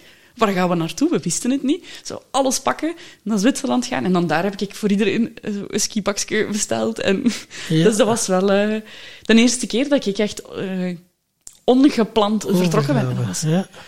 Ja, ergens ook Heerlijk. Ja. Dat is dan meer mijn stijl. Ja. Ah, heerlijk, maar je hebt tijd, dus het kan. Je hoeft, je kunt je onderweg voorbereiden voor de dingen die voorbereid moeten zijn. Je hebt tijd om in te gaan op dingen die onverwacht gebeuren. Ja. Hoe Ja, vindt... dat, dat vind ik juist het mooiste aan, aan eh, als ik kijk naar mijn eigen reizen. eh, ik- meestal is dat dan binnen Europa, maar ja, dan zo, zo min mogelijk. ge- Ik doe heel veel op de reis, maar zo min mogelijk vooraf gepland. Dat ik dan denk, ja, kan een planning maken en dan kom ik daartoe en dan, dan voelt het niet goed of dan voel ik me weer te veel eh, gedwongen om bepaalde dingen te, te gaan volgen die ik uitgezocht had. Dan denk ik, ja, ik kan daar ook gewoon lokaal gaan vragen van, goh, hè, wat, zijn, wat zijn nu echt de missies hier in de buurt, en het liefst niet toeristisch, maar hè, waar, dat, waar dat de lokale mensen eh, naartoe zouden gaan, dat vraag ik dan ter plaatse liever. Mooi. Dat is ook wel Ik doe dat niet een altijd, maar ja. hele leuke manier van reizen. Hè? ja. En gaat het lang op reis dan? Nee, meestal kort. Ja. Ja. Eh, mijn vriendin die wil niet zo lang van huis zijn. Mhm. En eh, ja, twee weken maximum. Ja, Soms maar een dat week. is toch al... Maar ik vind het wel leuk, net als in Corfu, om dan, ehm, eh, ja, om daar naartoe te komen, dan in het hotel en dan achter de bar te vragen van, goh, waar zouden we ons naartoe sturen? En dan krijg je ook al te horen van, ja, hè, daar gaat iedereen naartoe. En dan denk ik, ja, oké, daar gaan we dus niet naartoe. ja. En dan kom je op hele mooie plekjes. En dan, eh, eh, Ja. ja. Ja, dat is wel, hè. Eh, Als je graag op allee, minder platgetreden paden gaat, is dat de beste manier. Hè. Vraag het aan een local. Hè. Ja. Of waar dan heel veel locals zitten. Hè. Als je zo ergens wilt gaan eten en dan zie je, oh, het zitten er allemaal locals, hè, dan heb je zoiets, oké, daar moet ik zijn. Hè. Ja. Uiteindelijk, ja, dat is eh, heel logisch. Maar ik hoorde jouw stukje controle, eh, controle loslaten. Ik denk, onder onze luisteraars zijn er ook wel heel wat mensen die graag controle houden. Mhm. Ja, hoe heb jij ermee leren omgaan om dan toch zo van echt controlfreak, eh de- dan toch te kunnen ontspannen. Ik denk toch dat u dat meer en meer in hebt Ja, ja. kunnen ontspannen, om dat los te laten en u wat meer over te geven. We werden verplicht om het zo aan te pakken omwille van corona.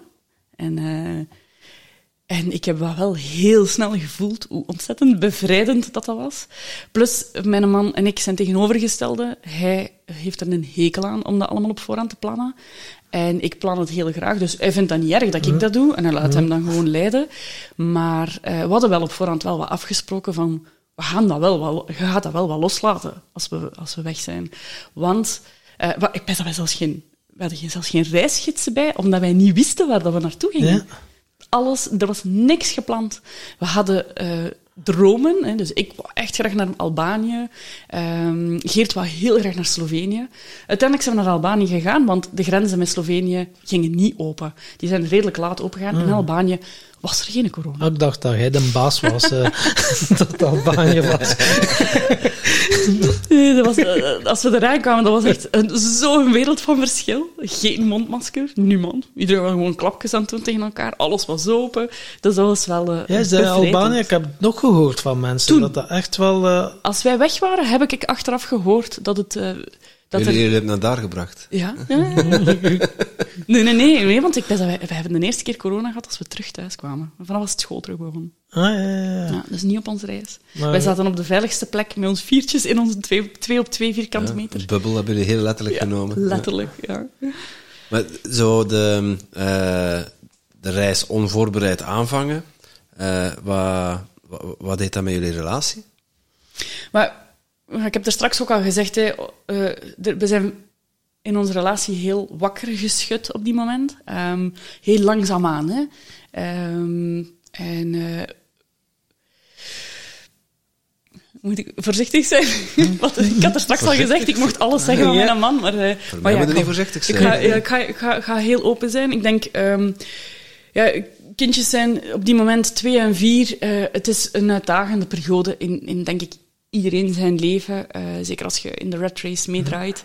Eh, je verliest elkaar soms wel uit het oog. En eh, ik denk dat wij dat zeker ook gevoeld hebben. Geert zat ook wel wat in de strijd van... Wat wil ik nu eigenlijk? Welk ik wel gelukkig op mijn, op mijn werk? Wat is mijn plaats in onze relatie? Ik had net hetzelfde. Ik had dan ook nog het gevoel dat we echt wel wat uit elkaar aan het groeien waren. En ehm, Ja, ik denk pas drie maanden nadat we terugkwamen, hebben we dat ook echt voor de eerste keer uitgesproken tegen elkaar. Van, is dit het? Zijn wij goed bezig? Wij zijn zo een, altijd zo twee handen op één buik geweest. Wij kunnen zo goed praten. Wat is er eigenlijk met ons aan de hand? We praten eigenlijk zo weinig. Gaan we te weinig op date? We zijn wel zo wat beginnen nadenken, alle twee. En met veel tranen uiteraard, een lange periode. En eh, uiteindelijk zelfs relatietherapie. En we zijn er zeker nog niet. Maar eh, het zijn wel die momenten die ons doen beseffen hebben van we hebben terug iets nodig dat we samen doen. En we zijn wel samen aan het opvoeden. Maar eigenlijk, dat is niet iets waar dat we naar groeien. Of, of dat, dat gebeurt gewoon. Ja. Je hebt geen doel niet meer samen. En dan zijn we eigenlijk samen in een, een traject ges- gestapt eh, van vier maanden. Eh, Freedom Unlocked van eh, Kim de Graven. Ah, Ah, ja. Kim is ook bij ons te gast geweest. Serieus? Ja, ja, Ah ja. ja, kijk.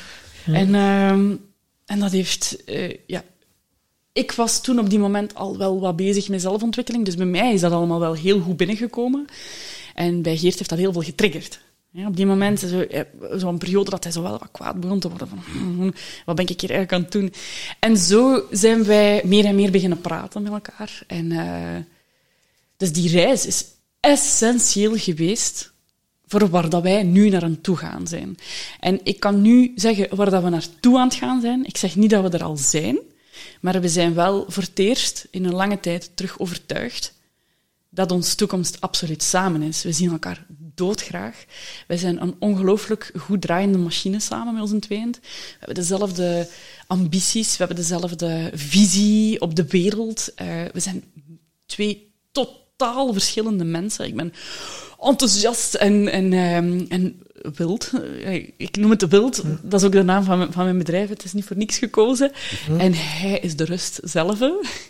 Dus het, ik, ik kom heel hard tot rust bij hem. En ik por hem heel hard aan. Dus Ja. het is iets heel schoon. En ik denk eh, dat we dat wel terug beseft hebben. Eh, en ik denk de, de moment dat we beseften van onze waarden op lange termijn in de verre toekomst zijn dezelfde, dan wisten we van oké, we horen bij elkaar. We moeten gewoon terug een manier vinden waarop dat we tijd creëren voor elkaar. Waarop dat we ehm, veel praten en, en, eh, en bij elkaar terecht kunnen op de juiste manier. Want ik denk, ik weet niet, wel, ik durf niet spreken voor iedereen, maar ik denk dat heel veel mensen zich hierin zullen herkennen. Maar je, als je lang samen bent, groeide in een bepaalde dynamiek. En dat is soms heel moeilijk om daar verandering in te brengen. En soms besefte niet dat die een dynamiek u eigenlijk tegenhoudt. Slijpt erin, hè. Ja, dan- maar, maar soms zo, zo dat, het u, dat je u gaat tegenhouden. Je zoekt ook vaak naar dingen die je aangeleerd bent door je ouders, die u eigenlijk beperkt hebben, maar dat zoekt te vaak ook in je partner. Dus je gaat eigenlijk zoeken naar die beperking terug. En dat hebben wij wel heel hard... Dus door die relatietherapie hebben wij ontdekt dat... ehm, ik ben nogal daadkrachtig, dus hij en hij ehm, durft, hij, hij houdt ervan om geen conflict te hebben, dus hij gaat zichzelf wat minder vaak uitspreken. Waardoor dat er eigenlijk een dynamiek gekomen zijn waarin dat ik, doordat ik, doordat hij niet besliste, altijd maar ben gaan beslissen. Niet dat ik dat wou. De baas in de sloef. Zo, dus Ja, maar, het, maar ik moest wel, want anders kwam er niks van. Ja. Maar nu hebben we beseft dat ik nu te veel mannelijke energie in onze relatie heb. En hij wil dat. Hij mist dat. En eigenlijk, als ik echt eerlijk ben, mis ik dat ook. Dus misschien moet ik nu een berichtje sturen naar mijn man en zeggen: Go for it. Zij maar gewoon de man die je wilt zijn. Ik ben er echt oké mee. Eh, ik hou je niet tegen. Ja. Ga je gang. Dat, was het antwoord op. dat is een eh, opdracht van Hamid, dus ik zou hem ook maar direct, nu je het nog weet... Moet ik het uitvoeren. nu doen? Nu, doen. nu. Nu. Voilà. Geen, eh, geen verplichting verder, maar eh, het moet wel, hè, Tom? Ja. Spannend. Ja. Ja, het is wel herkenbaar. Zo de, de, ehm, zeg je dat? De, de- de compromissen zoeken in, in een relatie. En dan, ja, ik kan zeggen uit ervaring dat als je een hele jonge kleine hebt, dan wordt het inderdaad geleefd. Ja, klopt. Ja? Ja, dan komt het inderdaad in een stuk. Nu live in de podcast. Ja, Leuk, hè? leuk. Het is een privégesprek, dus eh, wij lullen de tijd wat. Ja, hè, sowieso. Het is nu lekker aan het bellen. Het is opgenomen, oftewel, is niet tegen het antwoordapparaat als ze aan het praten is. Dus eh, Spannend. heel mooi. Ja. Hamid, ja, ja, ja, ja, ja, ja. En eh, wat je, dat ga jij doen, jongen? Om zo je authentieke zelf om dienstbaar te, zijn? Ja, de podcast is mijn authentieke zelf die dienstbaar is voor de aarde. Denk ik zomaar. Ja, ik, eh, ik ga mij er volledig Ja. bij aansluiten. Kijk eens aan. Wauw. Proficiat. Smile. Tot achter je oren, zie.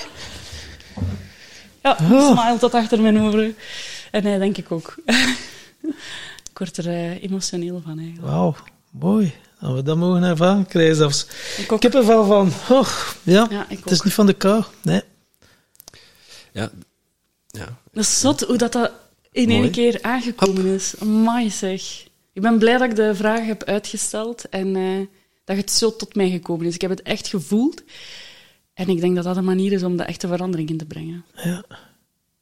Dat is ook iets moois voor iedereen die dit hoort, om dat mee te nemen. Van, ja, het is niet omdat je een vraag krijgt dat je hem direct moet beantwoorden, Mhm. dat je er direct iets mee moet. Je kunt ook wachten tot, tot je voelt van, ah, Ja. Ik denk dat we soms te snel willen antwoorden uit onzekerheid. Ja, of dat verwa je verwacht dat een ander dat wil dat je direct op alles een antwoord hebt. Eh, terwijl dat je ook kunt zeggen van, ik weet het nog niet, ik wil er eh, heel even over nadenken, ik kom erop terug. Maar dat is voor mij zo een moeilijke, omdat ik elke keer verwacht, oei, ik moet, maar dat is aangeleerd op school, hè. Eh, als je niet direct antwoordt, zijn een dommerik. Hè? Eh, Dus ja, als je je vraag stelt en je zegt, ik weet het nog niet, eh, dan, eh jup, rode streep Ja, erdoor. ja. Eh, Want het is op tijd allemaal, maar we zijn zodanig geprogrammeerd geweest, moderne slaven. Terwijl dat het net door even te laten binnenkomen, te gaan voelen van hmm, dat, en er dan op terugkomen, is zoveel krachtiger en zoveel waardevoller. Maar wat ik nu ook momenteel ook echt wel aan het leren ben. Maar Mhm. dat is zo logisch op een manier. We zijn zo in dat systeem willen ze ah, direct resultaat, dat, beste van de klaspunten, eh, noem het maar op. En dat is ook dat, dat het, het zelfbeeld even achterwege laten. Ja. Dat als je direct in, in het antwoord wil, dan, dan zit er ook nog van, ja, maar wat gaan andere mensen daarvan denken? En nu moet ik een maatschappelijk correct antwoord geven. En allemaal bezig met jezelf. Terwijl, En dat is, dat is exact wat dat er in de vraagstelling aan bod kwam. Voilà. Dat je echt al die oordelen over jezelf en over weglaten, dat je echt voelt. Ja, ik denk dat, allee, wat dat je zegt van dat schoolsysteem, oh, dat is iets wat dat mij lang heeft wakker gehouden. Dat ik dacht van, alleen nu ga ik mijn kinderen naar zo'n klassiek schoolsysteem sturen. Ik woon in een, een, allee, een groot dorp, een- zeker geen stad, maar dus wel een dorpsmentaliteit. Er zijn drie scholen, als ik me niet vergis. Dus veel keuze is er niet. nee, ik zit in hetzelfde schuitje. Ja. Het is hier geen groot dorp, weer een boerendorp. Ja. maar ja, dus je bent verplicht, Ja. wetende dat dat een systeem is waar je niet 100% achter staat, toch... eh, ik vond dat wel heel moeilijk in het begin. Ja, ja want de stad, waar dan een, een school is waar dat iets dichter bij mijn waarde ligt. Ja, het is niet praktisch om kinderen daar Ja. naartoe te brengen. Ja. En, Ja, en om dan de auto te moeten gaan nemen en een half uur naar school te rijden, dat houden ook gewoon niet vol. Nee. Nee, je kunt inderdaad wel zo. Hè. Mijn vriendin, eh haar dochter gaat naar een Steiner school en ze heeft toch ook wel zo een tijdje ergens gewoond, dat ongeveer een half uurtje rijden, maar dan zie je wel die initiatieven met carpoolen en zo. Het is, ja, het, voor alles is wel een oplossing Ja. natuurlijk, als je het echt wilt, maar het vergt wel wat organisatie. eh, dat, dat sowieso. Ja, en het eh, zijn, denk ik, keuzes. Hè? ja. Want ik denk, om dan weer terug te komen op hoe zij de gestart met wat dat je doet, ik denk dat dat ook een hele belangrijke factor is. We hebben daar maanden over getwijfeld. We zijn een toffe school gaan bezoeken in Haasdonk, eh vlakbij ons, eh, ons dorp. En, ehm, maar dan zou dat betekenen dat we een half uur ehm, op met de auto. Hè, en we Ja. moesten dan naar ons werk. En ik vond het al, allemaal heel moeilijk organiseren. En dan hebben we daar heel lang over nagedacht. Van, wat willen we? Er is een school op 200 meter, dus twee minuten wandelen, hè, of één minuut wandelen. Ehm, of gaan we een half uur met een auto onze kinderen gaan wegdoen.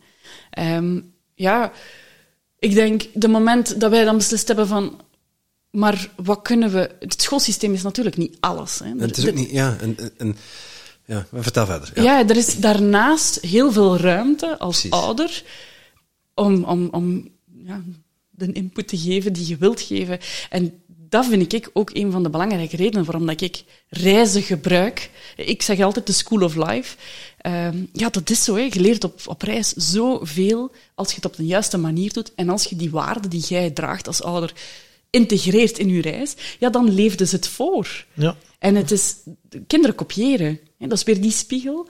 Als je durft kijken in die spiegel, kinderen kopiëren nu. Als ze slechtgezind zijn, is dat vaak omdat je zelf slechtgezind bent. Of omdat je eh, afwijzend gedrag toont, zonder dat je dat wilt naar je kinderen, maar omdat je kwaad zit van binnen en je weet niet van wat. Je bent afwijzend. Ja, ze wijzen nu ook af dan. Hè. Dus ik, ik vind alles hangt... Bij mij is dat echt heel hard samengekomen. Ehm, kinderen, voor mij zijn mijn kinderen het beste wat mij overkomen is, want het heeft mij op heel veel vlakken in mijn leven wakker Ja. geschud.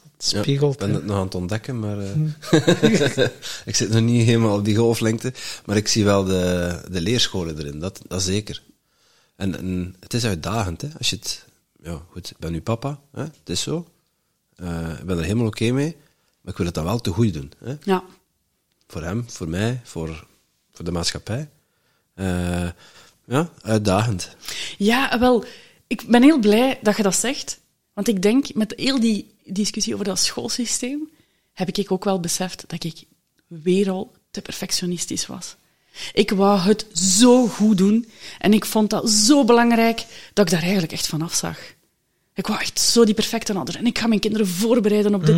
Maar daardoor leerden ze eigenlijk net het tegenovergestelde. Precies. Ja, dat is, dat is wat ik net wou zeggen. Van, ja, aan de ene kant, natuurlijk, er zit heel veel verschil in de scholen, maar ik denk dat het vooral ook is wie staat er voor de klas. Wat voor intentie staat hij voor de klas? Is dat tegen zijn goesting of is dat vanuit passie? Ja, en dan maakt het eigenlijk niet uit. Het systeem maakt dan niet zoveel meer uit, eigenlijk. Dat kan een inspiratie zijn. Ja, als dat iemand is die zijn leerlingen ziet, of haar leerlingen ziet, en voor wat ze zijn, en die hun talenten naar boven laat komen, ja, dan is dat los van de lesstof die gegeven Ja. wordt. Ja, en aan de andere kant is de school, hè, de, de reguliere scholen zijn ook gewoon een afspiegeling van de maatschappij, want ja, daar worden we allemaal dingetjes gedrild en aangeleerd, zo van, kijk, zo werkt de maatschappij. En ik voel dat dan als mijn plicht om dan naar mijn zoon toe, eh, om hem dan de waarde mee te geven die hij nodig heeft om ermee om te gaan. Ja, of je mocht dat wel tegenspreken eigenlijk. Ja. Als je een gegronde reden hebt, Voilà. Ja. mogen ze daar Ja, tegen en je hoeft niet eh, op alles eh, 10 op 10 te hebben. Ja, laat die leraar maar, maar klagen van je moet je best doen, je moet je best zijn. Het is net goed als je af en toe fouten maakt, want dan leer je pas. Ja. Als het te makkelijk is, eh, dan ja, succes, maar dan ga je er niet heel veel van bakken in het leven. Als je overal de primus bent en je moet niet echt inspanningen doet en het gaat allemaal vanzelf. Pas ja, op, zeg, dan dat is wel leuk hoor. Tot, tot een bepaalde leeftijd. Maar dan eh kom je wel even jezelf tegen. De weerbaarheid en noem maar op, eh, doorzettingsvermogen. Ja, dan komen er andere kwaliteiten zijn dan nodig om echt wel een succes of toch wel iets van je leven te maken. En, eh, maar het is ook wel heel mooi wat dat je inderdaad zegt. Zo van, ik wil het goed doen voor mijn kinderen. Want het is eigenlijk zo wat, wat dat je dan zelf in je jeugd gemist hebt. Denkt zo van, wow, en dat, ah, maar dat ga ik anders doen. Ik wil niet dat mijn klein dat op die manier. En dan ga je beginnen fixen, dingen die jij voelt van, oh, dat en dat. Maar ja, dat Zo heeft werkt het niet. Hè? averechts effect. Ja, ja, Ja, ja. ja. Binnen Ja, doen het dat, ja. Het gebeurt denk- veel, hè. Het, het Ja. verschil tussen mijn zoon en mijn dochter is, is gigantisch eigenlijk. En ik denk dat dat ook wel voortkomt uit het feit dat ik veel. allee, eh, Stel was al twee jaar als ik die boeken begon te lezen, dan is er al veel gevormd. Hè. Het is heel, eh, zoekt heel hard naar bevestiging en kan echt tranen laten omdat ze een 8 op 10 heeft. Dat ik denk, maar dat blijdschap? moet helemaal niet. Je moet geen 10 op 10 halen. Je moet, die 8 op 10 is fantastisch. Ja.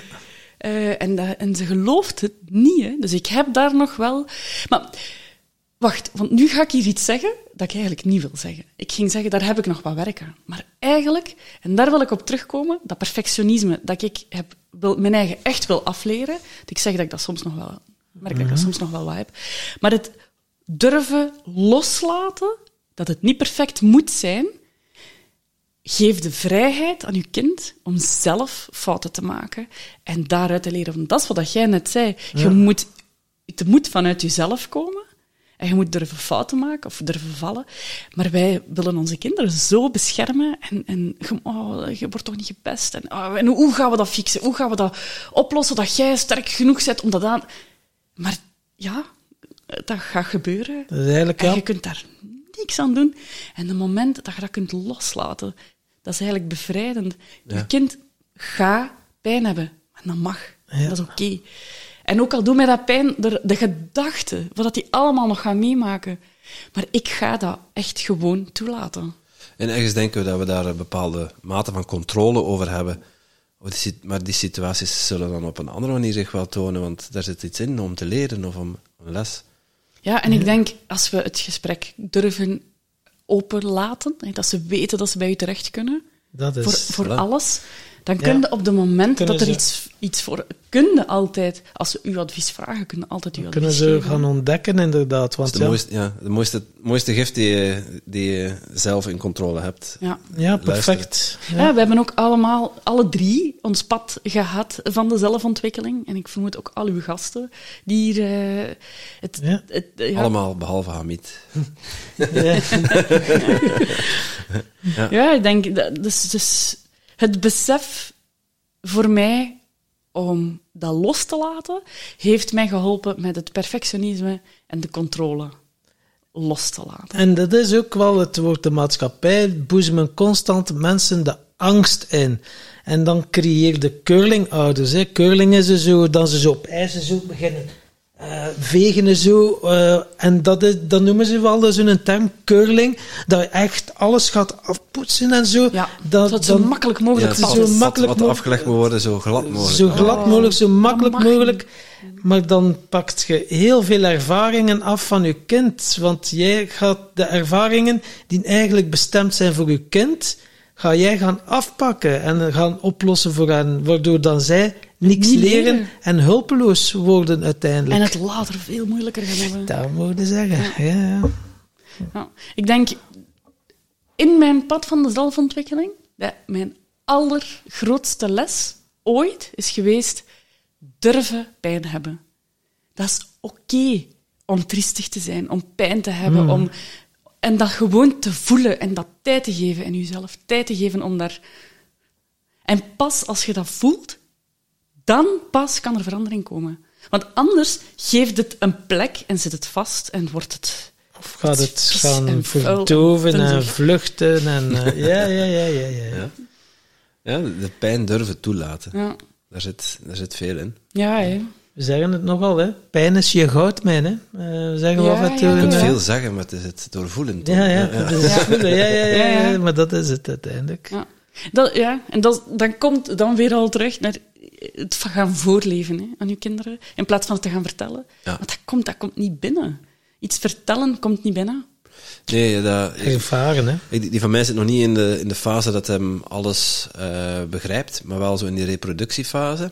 Eh, maar dat is, dat is ongelooflijk hoe rap dat die dingen oppikt eh, en, en dat dan reproduceert. Maar je kunt dat tegen zeggen wat je wilt, dat komt dat, één oor in, ander oor uit. Maar het zien, het voorleven, dat, ja, Ja, zo een stom voorbeeld. heel veel in. Als, je als, je, als je kind kwaad is, stop met kwaad zijn! zelf... eh, Eh, In, in een houding Ja, dat je ja. duidelijk kwaad bent. Ja, die gaan niet stoppen met kwaad zijn. Hè? Nee, en het grappige is, als ze dan zelf zo eh, kwaad zijn willen imiteren, dan zie je, dan zie je een klein spiegeltje staan. Zeer confronterend als je daarin durft kijken. Ja. De, scho- de schoonste spiegel, de meest pijnlijke, maar de schoonste spiegel dat je kunt, eh, kunt inkijken. Hè? Dat was van de week. Dat was super grappig. Ik, eh, gewoon als, als, een, als een soort grapje. Hè, van, eh van keer met je vuist op tafel slaan. Voor, voor, en nu staat mij, poenk. En dan, maar ik, ik deed dat gewoon naar hem toe van, om, want hij was, hij was wat attack aan het maken van nu is dat mij, nu is dat mij. Je moet met je vuist op tafel staan. Kijk, zo. Hij, zo. Hij is toch geen twee jaar oud. Ik denk, "Huh, wat gebeurt er hier? Ja, ja doodeng. Ja, Ja. doodeng dat dat zo snel gaat. Ja. Ja. Eh, Als je kijkt zo naar eh, ja, laten we zeggen, naar de, naar de klasgenootjes van jouw kinderen. Het zijn allemaal kindjes van nu. Wat, zou je die, wat zou je die willen meegeven? Want niet iedereen is, zeg je dat, heeft de gave van zulke ja, bewuste ouders mee te krijgen. Wat, wat zou je die kindjes nu meegeven? Ja, wel, ik denk misschien die pijn. Van, het is oké, hij gaat er wel komen, gaat er veel uit leren. Laat het maar gewoon toe en voel het maar. En zorg gewoon dat je altijd trouw blijft aan wat jij echt wilt. Want ik, om, een, om een stom voorbeeld te geven, ik, ik heb heel moeilijk gehad met de kleding dat mijn dochter uitkiest. Dus ik wou dat altijd zo wel wat controleren. Maar eigenlijk, ehm, ja, wat leer ik haar eigenlijk mee? Als ik, ik ga zeggen, ik vind dat niet mooi, dus je doet iets anders aan. Dus nu gaat zij naar school met de kleuren en de kleren dat zij wilt, omdat ik echt wil dat zij vertrouwt op haar eigen oordeel. En ik denk dat dat een deel moet zijn van de boodschap dat ik dan doorgeef. Ik wil dat... Ik zou graag hebben dat mijn kinderen alleszins echt vertrouwen op zichzelf. En ik, wil, ik zeg dan nu ook vaak, als ik een oordeel geef, eh, want ik maak echt heel veel fouten. Allee, fouten, dat is ook weer zo oordelen. Dan zeg ik altijd van, maar wacht een keer. Nee, ik vind eigenlijk niet dat jij je moet laten beïnvloeden door wat ik vind. Dus ga zelf je kleren maar kiezen. Doe maar. En dat is ook het mooie, door dat te doen, gaan ze ook leren dat ze verantwoordelijk zijn voor hun keuzes. Want ja, als ze dan eens zoiets aandoen en het wordt uitgelachen of zo, ja, dan is het ook, dan kun- mogen ze dat ook ontvangen. En dan hebben Kan ze je zo... een kindje nog eens laten spreken? Zie je wel? De levensles. Zie je wel, Met dat vingertje erbij. Heb je verteld? Ja. Maar dat wordt ook afgeleerd, hè. verantwoordelijk zijn voor de keuzes. Hè. Want je bent verantwoordelijk voor alles wat dat je doet en wat dat je voelt. Ja. En dat eigenaarschap gaan nemen, daar ontbreekt het ook een beetje aan in deze tijd. Ja, het is altijd makkelijker om te zeggen, het is door een ding, het is door corona, het is door dat, door dat. Maar ga maar een keer naar binnen keren en wat kan jij wel gaan veranderen en wat kan jij wel doen? En uiteindelijk, je kan nog zoveel doen, ook met alle beperkingen dan zoals we willen opleggen, zijn er nog duizenden dingen die je kan doen. Maar ja, wij focussen ons dan heel graag, toch heel veel mensen, dan natuurlijk ook lekker uitgesmeerd in de media en noem maar op, dat. En op gefocust. Ah, en dat mogen we niet. Oeh, oh, de nafte wordt weer duurder. Zo. Oh, en dat. En je blijft maar bezig. En dan denk ik, ja... Ja, we blijven eigenlijk in een negatieve spiraal, terwijl dat we eigenlijk gewoon simpelweg kunnen denken, wat kan er wel? Ja, wat kan er wel? Dat is dan inderdaad zoiets van wat kan er wel? Ik vind het ook zo boeiend. Ik moet ook eerlijk zeggen, je vertelde net zo van eh, uw man, eh, Geert, eh, dat hij wat meer man mag zijn, maar heel herkenbaar voor mij. Ja. Ik heb daar ook wel, en dan had ik ook meestal krachtige vrouwen, die dan ook vooral in die mannelijke energie. En ik was nu dit jaar op het Mannenfestival. Serieus? Mijn man ook. Ah, kijk eens aan. Ja, dus dan word je ook al even in... eh, ja, ik mag zeggen tegen uw man, want een van de organisators die was hier een paar weken geleden te gast. Dus is ook net online gekomen met Joris van Doorslaar. Ja, ik heb dat gezien. En eh, volgende week gaan we naar... en dat heeft voor mij heel veel veranderd. Bij Ralf Nelissen. Dat is ook een van de hoeders eh, die er dingen doet in, bij het Mannenfestival. Maar hij heeft ook iets ontwikkeld. Het pad van de man. En dat is een zevendaagse retreat waar je alle archetypes gaat zien. De krijger, de minnaar. Elke dag een ander type. En mee zweethutten, noem maar op. En dat was met 24 mannen dat we waren.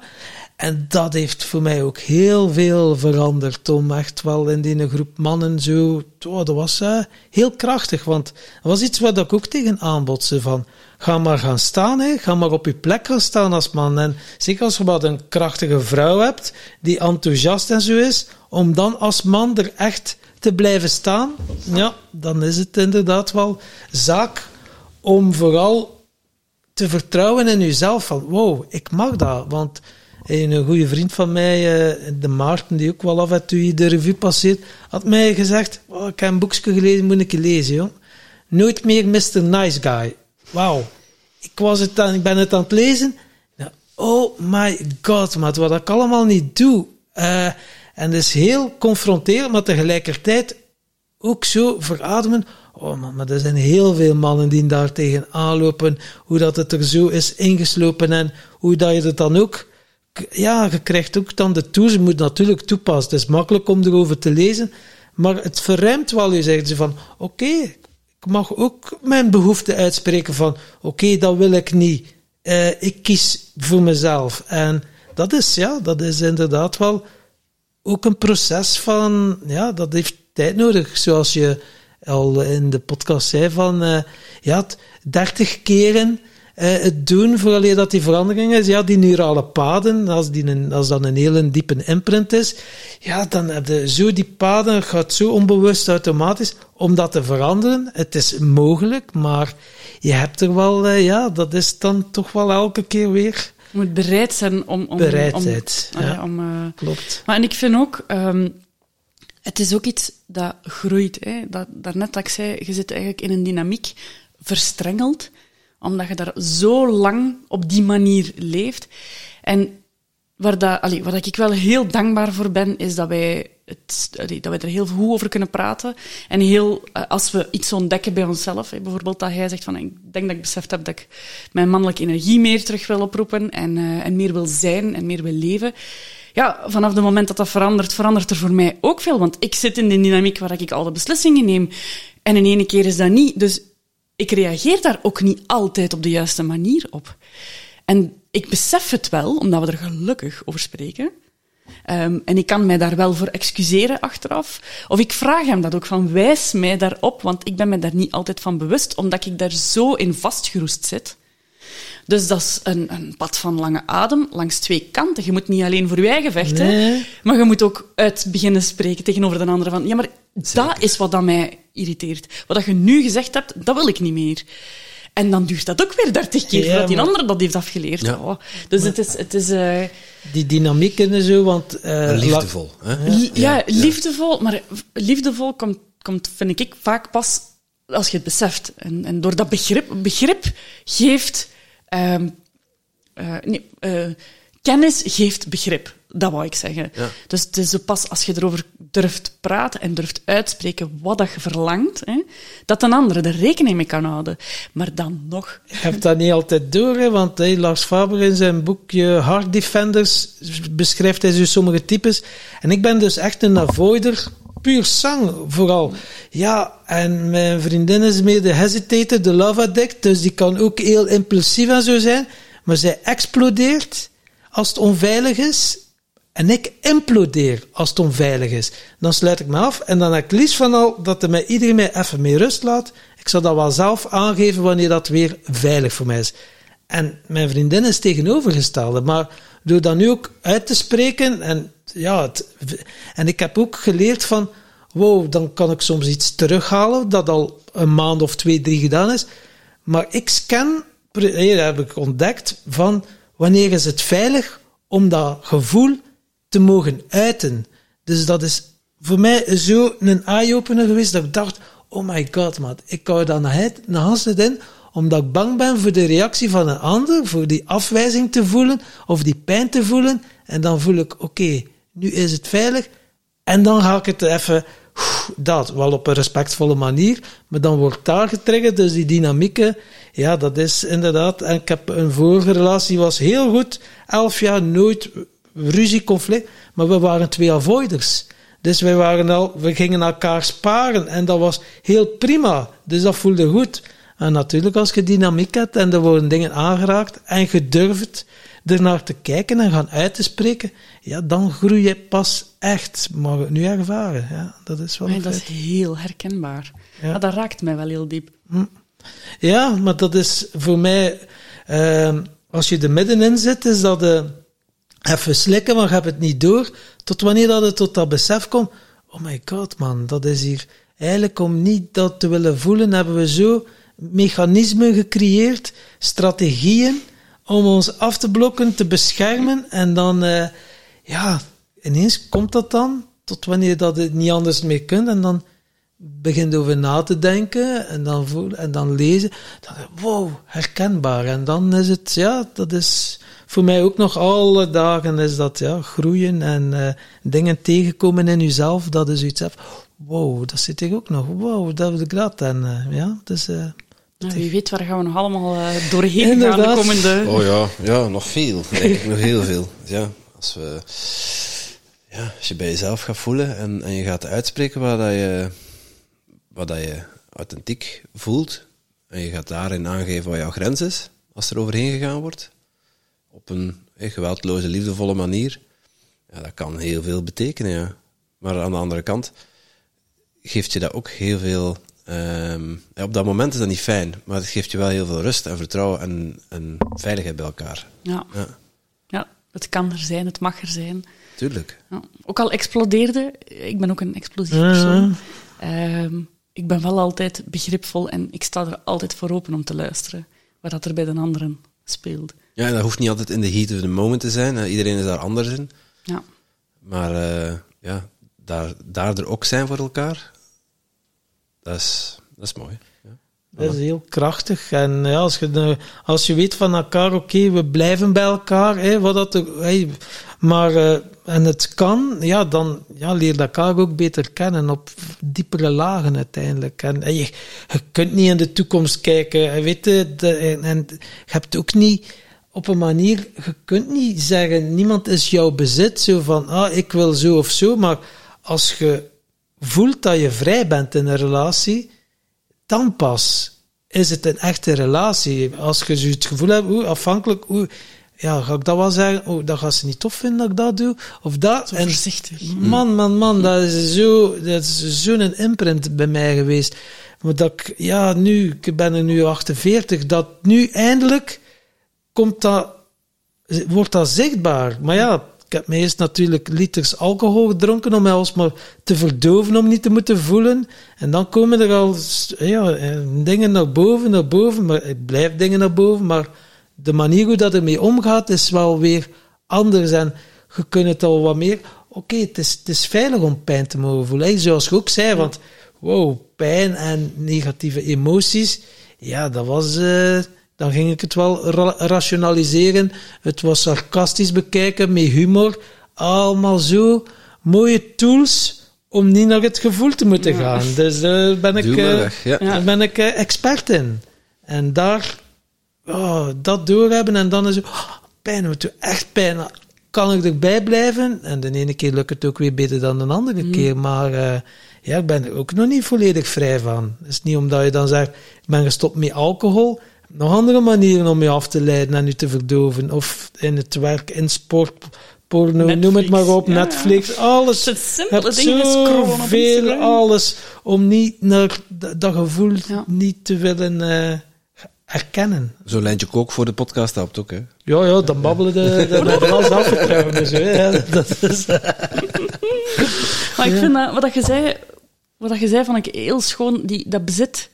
Ehm, ik denk dat dat misschien een van de dingen is dat ik ook beseft heb door zo dat dictatoriale bewind waar ik over spreek bij mijn kinderen, hadden eigenlijk beslissen dat zij moeten doen wat dat jij zegt. Dat is eigenlijk ook bezitterig. Tuurlijk. Ja. En uw kind is niet uw bezit. Nee. En dat is in elke relatie zo. Vanaf het moment, ik voel dat, dat, dat is iets wat ik, ik heb heel hard heb leren voelen. Ik, ik ben altijd iemand die zo, vanaf het moment dat een vriendschap heel dicht wordt, dan heb ik echt zoiets van, poeh, ademruimte alsjeblieft. Eh, dan voelt mijn aura zeer groot. en ehm, ik denk dat ik beseft heb dat vanaf het moment dat er een claim wordt gelegd op, op mij, dan vlucht ik weg, want dat wil ik niet. Ja. Ik haat het om bezit te zijn of te Ja, moeten ja, ja, zijn. ja. De Of vrijheid weer, hè. Ja. vrijheid Ja. is voor mij de rode draad in mijn leven. Natuurlijk, kinderen hebben geen vrije wil om, eh, om wel of niet bij hun ouders te zijn. Nee, dat is waar. Hè, dus tot op zekere hoogte, je bent een begeleider. Maar dat wil niet zeggen dat je, eh, dat je ze geen normen en waarden moet meegeven. En wat, wat je net ook zei, eh, structuur en regels, duidelijkheid. Het liefst zo min mogelijk. Zo min mogelijk structuur dan voor mij. Ik ga dat niet goed op. Voor mij veel. Ja, nee, ja. Kinder- kinderen gaan goed op structuur. En of, of, je het nu, of je er zelf nu goed op gaat of niet, dat is ze... Ik voel dat heel hard dat, hij dat, dat mijn zoon dat nodig heeft. nodig heeft. Hè, ja. Ik ga er zelf niet zo goed op. Maar aan de andere kant, ja, zoals je zegt, ik kan hem opleggen wat ik wil dat hem doet, maar hij zit nu nog in een leeftijd dat hij toch zijn hosting doet. En ik hoop dat hij dat zo lang mogelijk gaat volhouden. Want ja, je, je kind is niet jouw bezit, net als dat je partner niet, niet je bezit is. Eh, net als dat jij niet het bezit bent van je ouders. Dat als je dat beseft, van we zijn allemaal vrij om te gaan en te staan wat we willen, binnen de, binnen de grenzen van het... eh, eh, gewoon binnen de grenzen, Ja. die regels, die structuur, dan kan er ook veel meer. En dan als je het gevoel hebt dat je 100% jezelf kan zijn, dan, dan ben je daarin vrij. En dan ja, doet het niet toe in welke context dat je dat dan bent. dan En het is ook wel schoonste dingen. die, die grenzen. Eigenlijk, kinderen hebben wel een kader nodig. Dus ja, je gaat wel een veld afbakenen. Van kijk, hier mogen de vrij in bewegen. Maar ja, je bepaalt zelf hoe groot of hoe klein dat je dat veld maakt. Ja. Is het een basketbalplein of is het een voetbalplein? Dat is een groot verschil. Dus dan kunnen kinderen echt wel nog die volledige vrijheid ervaren. Maar er zijn wel nog regels en grenzen. Want als er geen grenzen en regels zijn, ja, dan, dan komt het ook niet goed. Nee. Dan, eh, dan is het eh, ja, er genoeg voorbeelden als je een keer rondom je kijkt. Van, eh, dus ja, waar vinden die een balans in? En hoe vind jij die balans om de grenzen... ik denk, als ik nu even focus op de structuur, hè, dat is echt het, ook een van de schoonste cadeaus dat we gekregen hebben van onze lange reis, is dat wij geleerd hebben dat alles goed ging, zolang als er op tijd eten op tafel stond, altijd op hetzelfde uur, en dat ze altijd op hetzelfde uur gingen slapen. En dan ging alles goed. Dan waren de ritten veel aangenamer, dan konden we gaan wandelen. Dan, maar vanaf het moment dat je te laat ergens aankomt en het is donker en je moet nog naar een kampeerplaats zoeken en, of, of je moet nog koken. Ja, om een duur waren we er zo in gestroomlijnd. Dan hadden we altijd zo wel een aiki-noedeltje ergens eh klaarstaan dat je echt snel kunt klaarmaken en de kinderen eh, in bed steken. Ehm, en we hebben die structuur gehouden. Met veel commentaar, hè, want met nieuwjaar snapt niemand Weer dat we om zeven uur... Ja, allee, allee, zeg, je blijft toch... Maar wij zijn daar... Ah ja, daar zijn van de, wij buiten, van de buitenwacht. van de buitenwereld. Ja, daar krijgen we veel commentaar op. Niemand snapt dat. Maar pff, ik trek het mij niet meer aan. Nee, ja, wij hebben Ja. dat ook. Want ik zit met de gevolgen. Het is drie dagen, drie dagen eh, Ja. slechtgezind eh, kind. Eh, Nee, daar, daar, eh, dat zie ik niet zitten. Om zeven uur in bed. Eh, dus daar ben ik wel. Want ik ben eigenlijk echt monkey mind, chaos, eh, niet gestructureerd. En toch kan ik dat mega goed bij de kinderen. ja. Het is soms ook structuur, dat roept bij mij, heeft een aanstijd. Ik heb dat mogen ontdekken tijdens mijn NLP-opleiding. Maar als ambtenaar zitten vast in een systeem en structuur. Dus ik als rebel, ik zou dat echt niet zitten. En structuur was bij mij, maar ik moet geen structuur hebben, voor mij is vrijheid. Maar nu heb ik geleerd, structuur geeft mij vrijheid. Maar ik heb hem omgepoeld. Zo van, wauw, als ik, ik weet, van dat tot dat uur doe ik dat, dat. Dat geeft mij vrijheid, want ik heb ook een tijd geleefd dat ik niks in de agenda zou zetten. Ah, wat ga ik nu een keer doen? Dat. En dat maakte mij heel onrustig. En inefficiënt, hè. En inefficiënt. Heel onrustig. En dan dacht ik, wow, nee, ik heb dat precies nu, maar dat geeft Ja. mij nu net wel vrijheid. Ja, dus dat is echt, hoe dat je er ook weer naar kijkt, Ja, is zo zot. Het is voor iedereen anders, hè. Ja, Eh, de ene gaat goed op structuur of regels. Of... ja. En voor de ene is structuur drie woorden to-do op te schrijven op een post-itje de dag ervoor. En voor de andere is dat een heel weekplanning. Ja. In detail. Van uur Ja. tot uur. Ja, ja, dat zijn de tr- verschillen tussen true-timers en in-timers. Ja. Ik heb Ja. genoeg aan drie woorden. Dat is, eh, Ja. ja, ik ga niet goed op een dichtgetimmerde planning. Dan krijg ik al stress van het idee alleen al. Ik ben er nog naar op zoek. Ik kan, ik kan wel veel gedaan krijgen op korte tijd, dus dat is dan weer mijn, Oh, eh, super, mijn ja. voordeel. ja, ik kan denk op beamen. Ja. Ja. Ieder zijn ding, hè. Ja. Ja. Als, je, als je zo hè, met, met kinderen op reis gaat, zijn er zo eh, nog dingen waar je aan moet denken? Want je zegt hè, op tijd eten, op tijd gaan slapen. Maar wat, komt er nog maar bij kijken? Want ik moet eerlijk zeggen, eh, Arne is nog klein. Eh, ik vind wel een uitdaging, een opgave om met hem op reis te gaan. Ja, ik denk, eh, wat ik wel heel belangrijk vind als het een korte periode is, om goed te plannen. Zorgen dat je een opvangnet hebt ter plaatse. De, ehm, alleen opvangnet bedoel ik iemand ter plaatse die je opwacht in de luchthaven. Dat- Want er is wel wat vermoeidheid als je van een vliegtuig stapt. En dan is het wel leuk dat je je weg niet even moet zoeken, dat je weet waar je naartoe gaat. Vind ik wel goed. Dus begin plannen. Ehm, eh, tijd nemen voor de jetlag te verwerken. als je naar een jetlag eh, bestemming gaat natuurlijk. En ehm, slow travel, daar ben ik weer. Ehm, en ik denk... eh, Met de stoomboot in plaats van het vliegtuig. ja. maar ik, ik denk, ja, die, die planning op voorhand... ehm, en dat hoeft niet alleen de planning te zijn dat je ter plaatse, maar ook je bagage. eh, kleine dingetjes van, oké, we gaan met het vliegtuig, we gaan zo lang onderweg zijn, ik moet zoveel snacks meenemen, voor als je ergens in een rij staat, goede afspraken maken. Ehm, bij mij lukt dat. Als ik, ik, ik ben alleen met mijn twee kinderen naar Mongolië gegaan, dus mijn man was er niet bij en dat was, wij vertrokken de 1 juli. Chapeau. Dus ik dacht, oh oh, wachtrijen niet te doen in, die, in de luchthaven. Ik zeg, hoe ga ik die kinderen stil laten staan bij mij gedurende een uur dat we wachten voor die paspoortcontrole. En dan daarna voor de check-in. En dan dat... Ik dacht, ik, dat, dat was eigenlijk mijn grootste angst. Ja. Maar ik heb daar wel schone oplossingen in gevonden. Dus eh, bleek dat mijn kinderen het de max vinden om op zo van die karren te zitten. Ik dacht, dacht, ik heb er een schone oplossing voor gevonden. Bleek. Water. Eh, ja, Sorry, va- de, de max Nee. om op die karretjes te zitten. Ja, dus die, vond, die vonden dat super tof om op die karren te zitten. Dus ik legde dan die valiezen op de kar. Ja. En dan gingen die daarop zitten. En dan bleven die lekker spelen met elkaar daar. En ook mij niet te druk maken in hun eh, kind zijn. En eh, wat ik op voorhand dan had gedaan, is de grenzen afbaken. En zeggen van, kijk, ik, sta er, ik, ben, ik ga alleen zijn. Ik, heb, ik sta dan in de rij. Ik kan u niet komen zoeken of komen halen. Dus voor mij is het echt belangrijk dat je bij mij in de buurt blijft. Ehm, daar ga ik echt streng op zijn. En dan, eh, gelijk dat ik dat op voorhand had afgesproken, hebben ze daar eigenlijk ook eh, echt wel rekening mee gehouden. Ja. Ze weten hoe streng haar moeder kan zijn. Is dat wel wel. hè. Ja, dat is wel eh, een uitdaging. Ja. ook weer hè, duidelijke regels. Maar ik moet zeggen, eh, respect. Ik vind één dag gewoon thuis zijn met mijn zoon al uitdagend. Om dan eh, alleen mee naar Mongolië te gaan. eh, Ja, een maand. Super tof was dat. een maand dan nog. Ja. Wauw. Ja. Ik denk dat het moeilijkste was voor mijn man om ze ons een maand te missen. Maar ja, dat is eh chili-oogstseizoen, dus dat ging niet. En eh De plantjes gaan voor. Dat zijn plantjes gaan voor. hè. Eh, duidelijk waar dat de prioriteit Prioriteit, wel, ja, ja. Misschien moet je toch dat hartig woordje nog eens vragen. Nee, nee, nee. Eh, nee, nee, nee. Ik, ik vond eigenlijk... Het, eh, allee, dingen gebeuren omdat het zo moet zijn. En ik had daar ook echt wel zin in. Ehm, en ik vind dat ik wel door mijn organisatietalent wel altijd in slaag om dat allemaal in goede banen te leiden. Dus ik had niet echt veel schrik om alleen met hen te reizen. Eh, er zijn uiteraard veel momenten dat dat echt uitdagend is. Ehm, en ik denk dan vooral aan, je, moet je wel wat aanpassen aan de structuur. Eh, die jetlag, dat had ik in het begin ook niet door. Ik was zo moe en ik had het echt niet door waarom. Dus ik was lastig en dacht, spel dat, dat was ligt aan mijn lastig. kinderen. Nee, ik was zo moe dat ik het niet door had. van, het, ah, ja, ja, van het reizen, gewoon zo moe. Ja.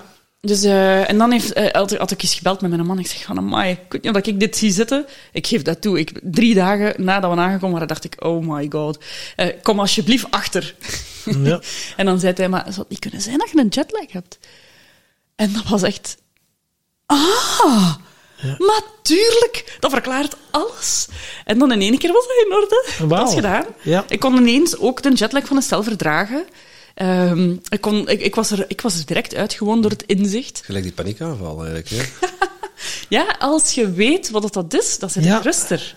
Dan, dan, ha, dan heb je ineens vertrouwen van, ah ja, maar een jetlag, dat gaat over. Dus dat is oké, want we zijn hier een maand. En Ja, de mind heeft zijn concept, gaat ermee aan de slag en je kunt zelf in vertrouwen zakken. wauw, mooi gezegd. Ja, soms ook van die momenten. Ik Jij ben blij dat het opgenomen wordt. Ja, Ja, dat was wel meer dan drie woorden, maar je ook van die momenten. Ja, dus, eh, ik ben spaarzaam, maar... eh, En dan, ja, ik kan me voorstellen dat dat dan... Hè, voor het plannen van uw reis, want ik denk dat je naar Mongolië bent gegaan vanwege Wild, eh, Ja, Wild About Earth. eh, Wild About Earth. Ik kwam niet uit mijn woorden. Ja. Ah, Drie ja. woorden? De drie Ja, woorden. het zijn er maar drie. dat is te weinig, hè? Maar als, je, als je kinderen meeneemt, dan juist dan besef je ook van, ah, als mensen met een gezin gaan reizen, dan lopen ze hier en hier tegenaan, omdat je het zelf ook meegemaakt hebt. Ja, dat is echt mijn bedoeling. En eh, nu volgend jaar eh, zijn er nu toevallig twee reizen dat ik alleen moet doen. En ik zit daar dus echt mee verveeld. Ik vind het jammer. Ik ga naar Groenland in de winter. En ik vind dat wel heel interessant om kinderen mee te nemen. Om die kou, want dat gaat daar echt kou zijn, om die aangepaste kledij, dat traag ritme, die donkere, die donkere dagen. Eh, ik had het echt liefste gehad dat ze meegingen. Maar ja, kijk, het gaat niet altijd samen. Het is ook in januari, het is geen vakantie. Dus, ehm, dus het moet zo zijn. Ja. Eh, Maar eh, Eh, ja. Je houdt daar wel rekening mee dat je dan op vakantie gaat in de vakantieperiodes? ik, ga, ik probeer elk, eh, elk jaar wel met hen te reizen, omdat ik vind het heel belangrijk om het voor te leven. En om de uitdagingen die er zijn weg te kunnen werken voor, eh, voor mijn klanten. Dat vind ik heel belangrijk. Ja. Ja, toen ik jouw verhaal eh, las, want je hebt ons een mail gestuurd, hè, of tenminste een heel brief geschreven. Ik wou overdreven. Er zijn- zijn zo wat dingen blijven hangen. Ik dacht van, ah, die eh, reizen en dan eh, meerdere maanden onderweg. Eh, maar als ik jou zo hoor, dan beperk je jezelf wel tot een aantal weken. Ja, nu, nu wel. Ehm, ja, ik heb natuurlijk ook uw werk. eh, Dat is helemaal oké, zonder oordeel. Hè? ja, ja, ja, maar... ehm, dus wij zijn dat jaar weg geweest. En we hebben wel zeker de intentie om dat in de toekomst nog te doen. En eh allee, dat is een van de dingen dat ik op mezelf wil toepassen, maar dat ik ook heel gemakkelijk kan integreren in de reizen van, van, van klanten. Dat is het moment dat er een soort... ja, dat je bijvoorbeeld goede wifi hebt op een andere locatie in een huisje, met, met eventueel zelfs, als er echt kleinere kinderen zijn, met eventueel een nanny bij of zo. Zodat er bijvoorbeeld in een lange periode even kan gewerkt worden. Dat, als dat ingepland kan worden, dan kan dat ook zorgen dat de reis langer en trager kan. En dat vind ik ook mooi. Die vraag krijg ik wel niet veel, maar eh, het kan wel. Ja. want ik kan me voorstellen, als je langere tijd onderweg bent, ja, dan ga je er ook een oplossing moeten vinden voor het, voor het onderwijs van, van je kinderen. Ja, je zei net, eh België is er leerplicht. eh, Ja, ja, leerplicht, ja. geen schoolplicht. Eh betekent ook dat je een langere periode weg zou kunnen als je zelf dat onderwijs oppakt. Ja, wij zijn veel mensen tegengekomen die het zo aanpakken, ja, aangepakt hebben. Ehm, het eerste deel hebben we weinig volk gezien, maar het tweede deel waren er eigenlijk heel veel gezinnen met kinderen. En heel veel mensen die eh, een jaar lang of, of maanden eh, schoolonderwijs geven aan de kinderen. Bijvoorbeeld elke voormiddag oefeningen maken. Je moet, eigenlijk is het heel simpel. Je gaat gewoon, je neemt een beslissing. Hè. Niemand hoeft zich daarin uit te spreken. Jij als gezin neemt een beslissing zonder invloed van iemand anders. En als jij beslist van ik ga een jaar weg, dan doe je dat. En dan moet jij geen toelating gaan vragen aan de directeur, bij wijze van spreken. Je gaat gewoon naar een directeur en je zegt, wij gaan dit doen.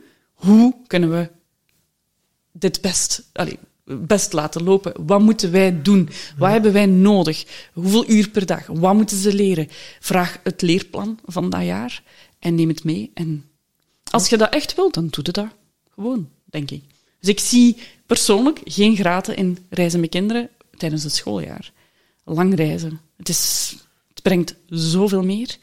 Ehm, Ja, je hoort van die horrorverhalen van mensen die dan er kinderen een keer een, een week later of een week vroeger eh, van school halen of een week later. dat is een ramp, hè? En dan eh, brieven en eh, bedreigingen. En ik denk van, wow. Maar, ja. Maar ik denk goed, dat- ze melden ze dan ziek terwijl ze op reis zijn. En dus misschien, misschien is dat maar aan de manier waarop. Ja, wel, ik denk dat als je dat op voorhand bespreekt en, en, een, en samen naar een oplossing zoekt, dan gaat het dat op een heel andere manier aan dan dat je zegt, ah ja, eh, goh, ze zijn toevallig alle twee een week ziek. Ja, we hebben toevallig allemaal corona. Allemaal tegelijkertijd. Ja. Ja. je, kunt, je kunt proberen, En we maar, zijn toevallig... in- en zo heel bruin met een bril ingebrand. Ja, bijwerking van die corona. Gewoon een bruin voorhoofd en bruine wangen. Ja. ja, wat, wat als ze hem toch moeten vaccineren? Nee, ik denk, ik denk dat dat echt afhangt van hoe dat je dat zelf aanpakt. Hoe dat je dat gesprek aangaat. Ja. Want er is weer al, er is begrip als je, als je iets eerlijk uitlegt. Het gaat altijd over eerlijkheid, denk ik. Hè? Ja. Het is veel erger als je als een leugen uitkomt dan dat je gewoon de waarheid hebt verteld die kwetsend is. Maar het is veel erger als het een leugen is. Ja, maar dat is... eh, ja. Dus ik, ik, ik denk, ja, mijn, mijn tip is, ga gewoon het gesprek Laat aan. u niet tegenhouden. En laat u vooral niet tegenhouden als je iets echt wilt. Dat is bij het ondernemerschap ook zo. Ja, eigenlijk. klopt. Als je echt iets wilt, ja, Ja, dan maar dat zijn dezelfde dat systemen. Dat is, dat is Ja, nog een verschil. Ja. Tof. Ja. En als je zo inderdaad zo, hey, mensen die dan nu horen, oh, ik wil echt met mijn kinderen, maar die zijn nog niet gewoon van te reizen en zo, wat, wat zouden van tips kunnen geven, hey, of dan ze dan met jou eh, dat plannen of niet, maar zo, wat zijn nu zo kindvriendelijke landen, zo, dat je zo zegt van, eh, ja, dat is... Legoland.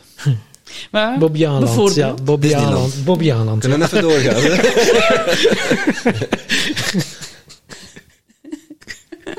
Maar ik vind persoonlijk... ehm, ja, de landen die ik aanbied zijn sowieso kindvriendelijk, omdat ik, eh, Ja, omdat ik dat ja. weet. Omdat ik er geweest ben of omdat ik eh, eh, weet hoe dat, dat gaat. Maar eigenlijk is elk land kindvriendelijk. Oké. Ik denk dat het vooral is de manier waarop dat je reist. Je past je manier aan aan de manier eh, hoe dat je kinderen zijn en het tempo van je kinderen. Dat is de truc. Wij willen altijd te veel zien op een te korte tijd. Dat is niet kindvriendelijk. Ehm, kindvriendelijk wil zeggen, we integreren dingen die we allemaal leuk vinden. Of, allee, ieder integreert iets wat hij leuk vindt. En iedereen doet een beetje water bij de wijn, maar je houdt ook rekening met de jongste eh, leden van het gezin. En ehm, ja, als je een slechte eter hebt, ja, zoek dan restaurantjes waar dat je weet dat ze iets gaat eten dat ze lekker vindt. Ehm, het tempo. ehm, ja, ik denk, wat, wat mij heel hard opviel, is de meeste mensen vallen pal achterover als ik zeg, ik ben met de kinderen van vijf en zeven naar Mongolië gegaan. Ze zeggen, amai, zo avontuurlijk. Maar het is een van de meest kindvriendelijke landen met jonge kinderen, want als je de intentie hebt om je kinderen vrijheid te geven, en je komt in een land waar dat je eindeloos lang kunt zien waar dat het landschap eindigt, zonder grote kliffen en gevaarlijke dieren, geen gevaarlijke giftige spinnen of, of slangen. Of... Die kinderen kunnen gewoon vrij rondlopen, zo ver als dat ze kunnen, want ze gaan nooit zo ver dat je ze niet meer kunt zien, want dat is te ver. Dan gaan ze moe zijn. dus dat is Dan gaan ze zalig. moe zijn. Dan gaan ze goed slapen ook. Ja.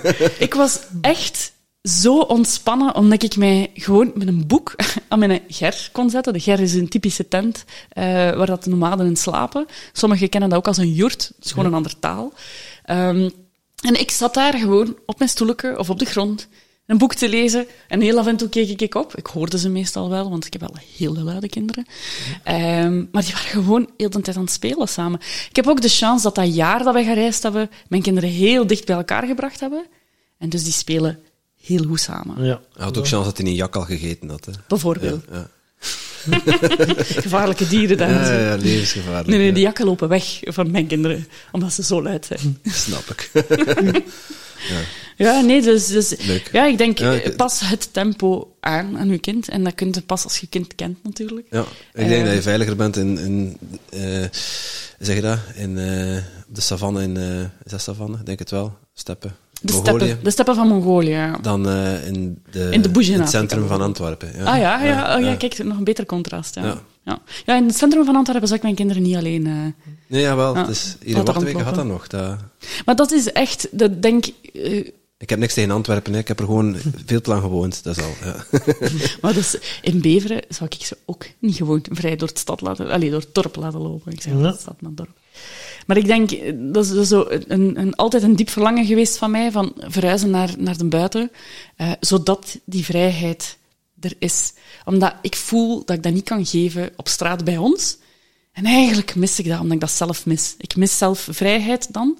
Dus ik zou dat zo graag gegeven hebben aan mijn kinderen. Maar bon, we hebben nu beslist dat we blijven waar dat we blijven. En de kindjes ehm, willen graag bij hun klasgenootjes blijven. Ze beginnen eindelijk hun draai wat te vinden na ons jaar in de sociale kringen. Eh, want dat heeft wel even geduurd.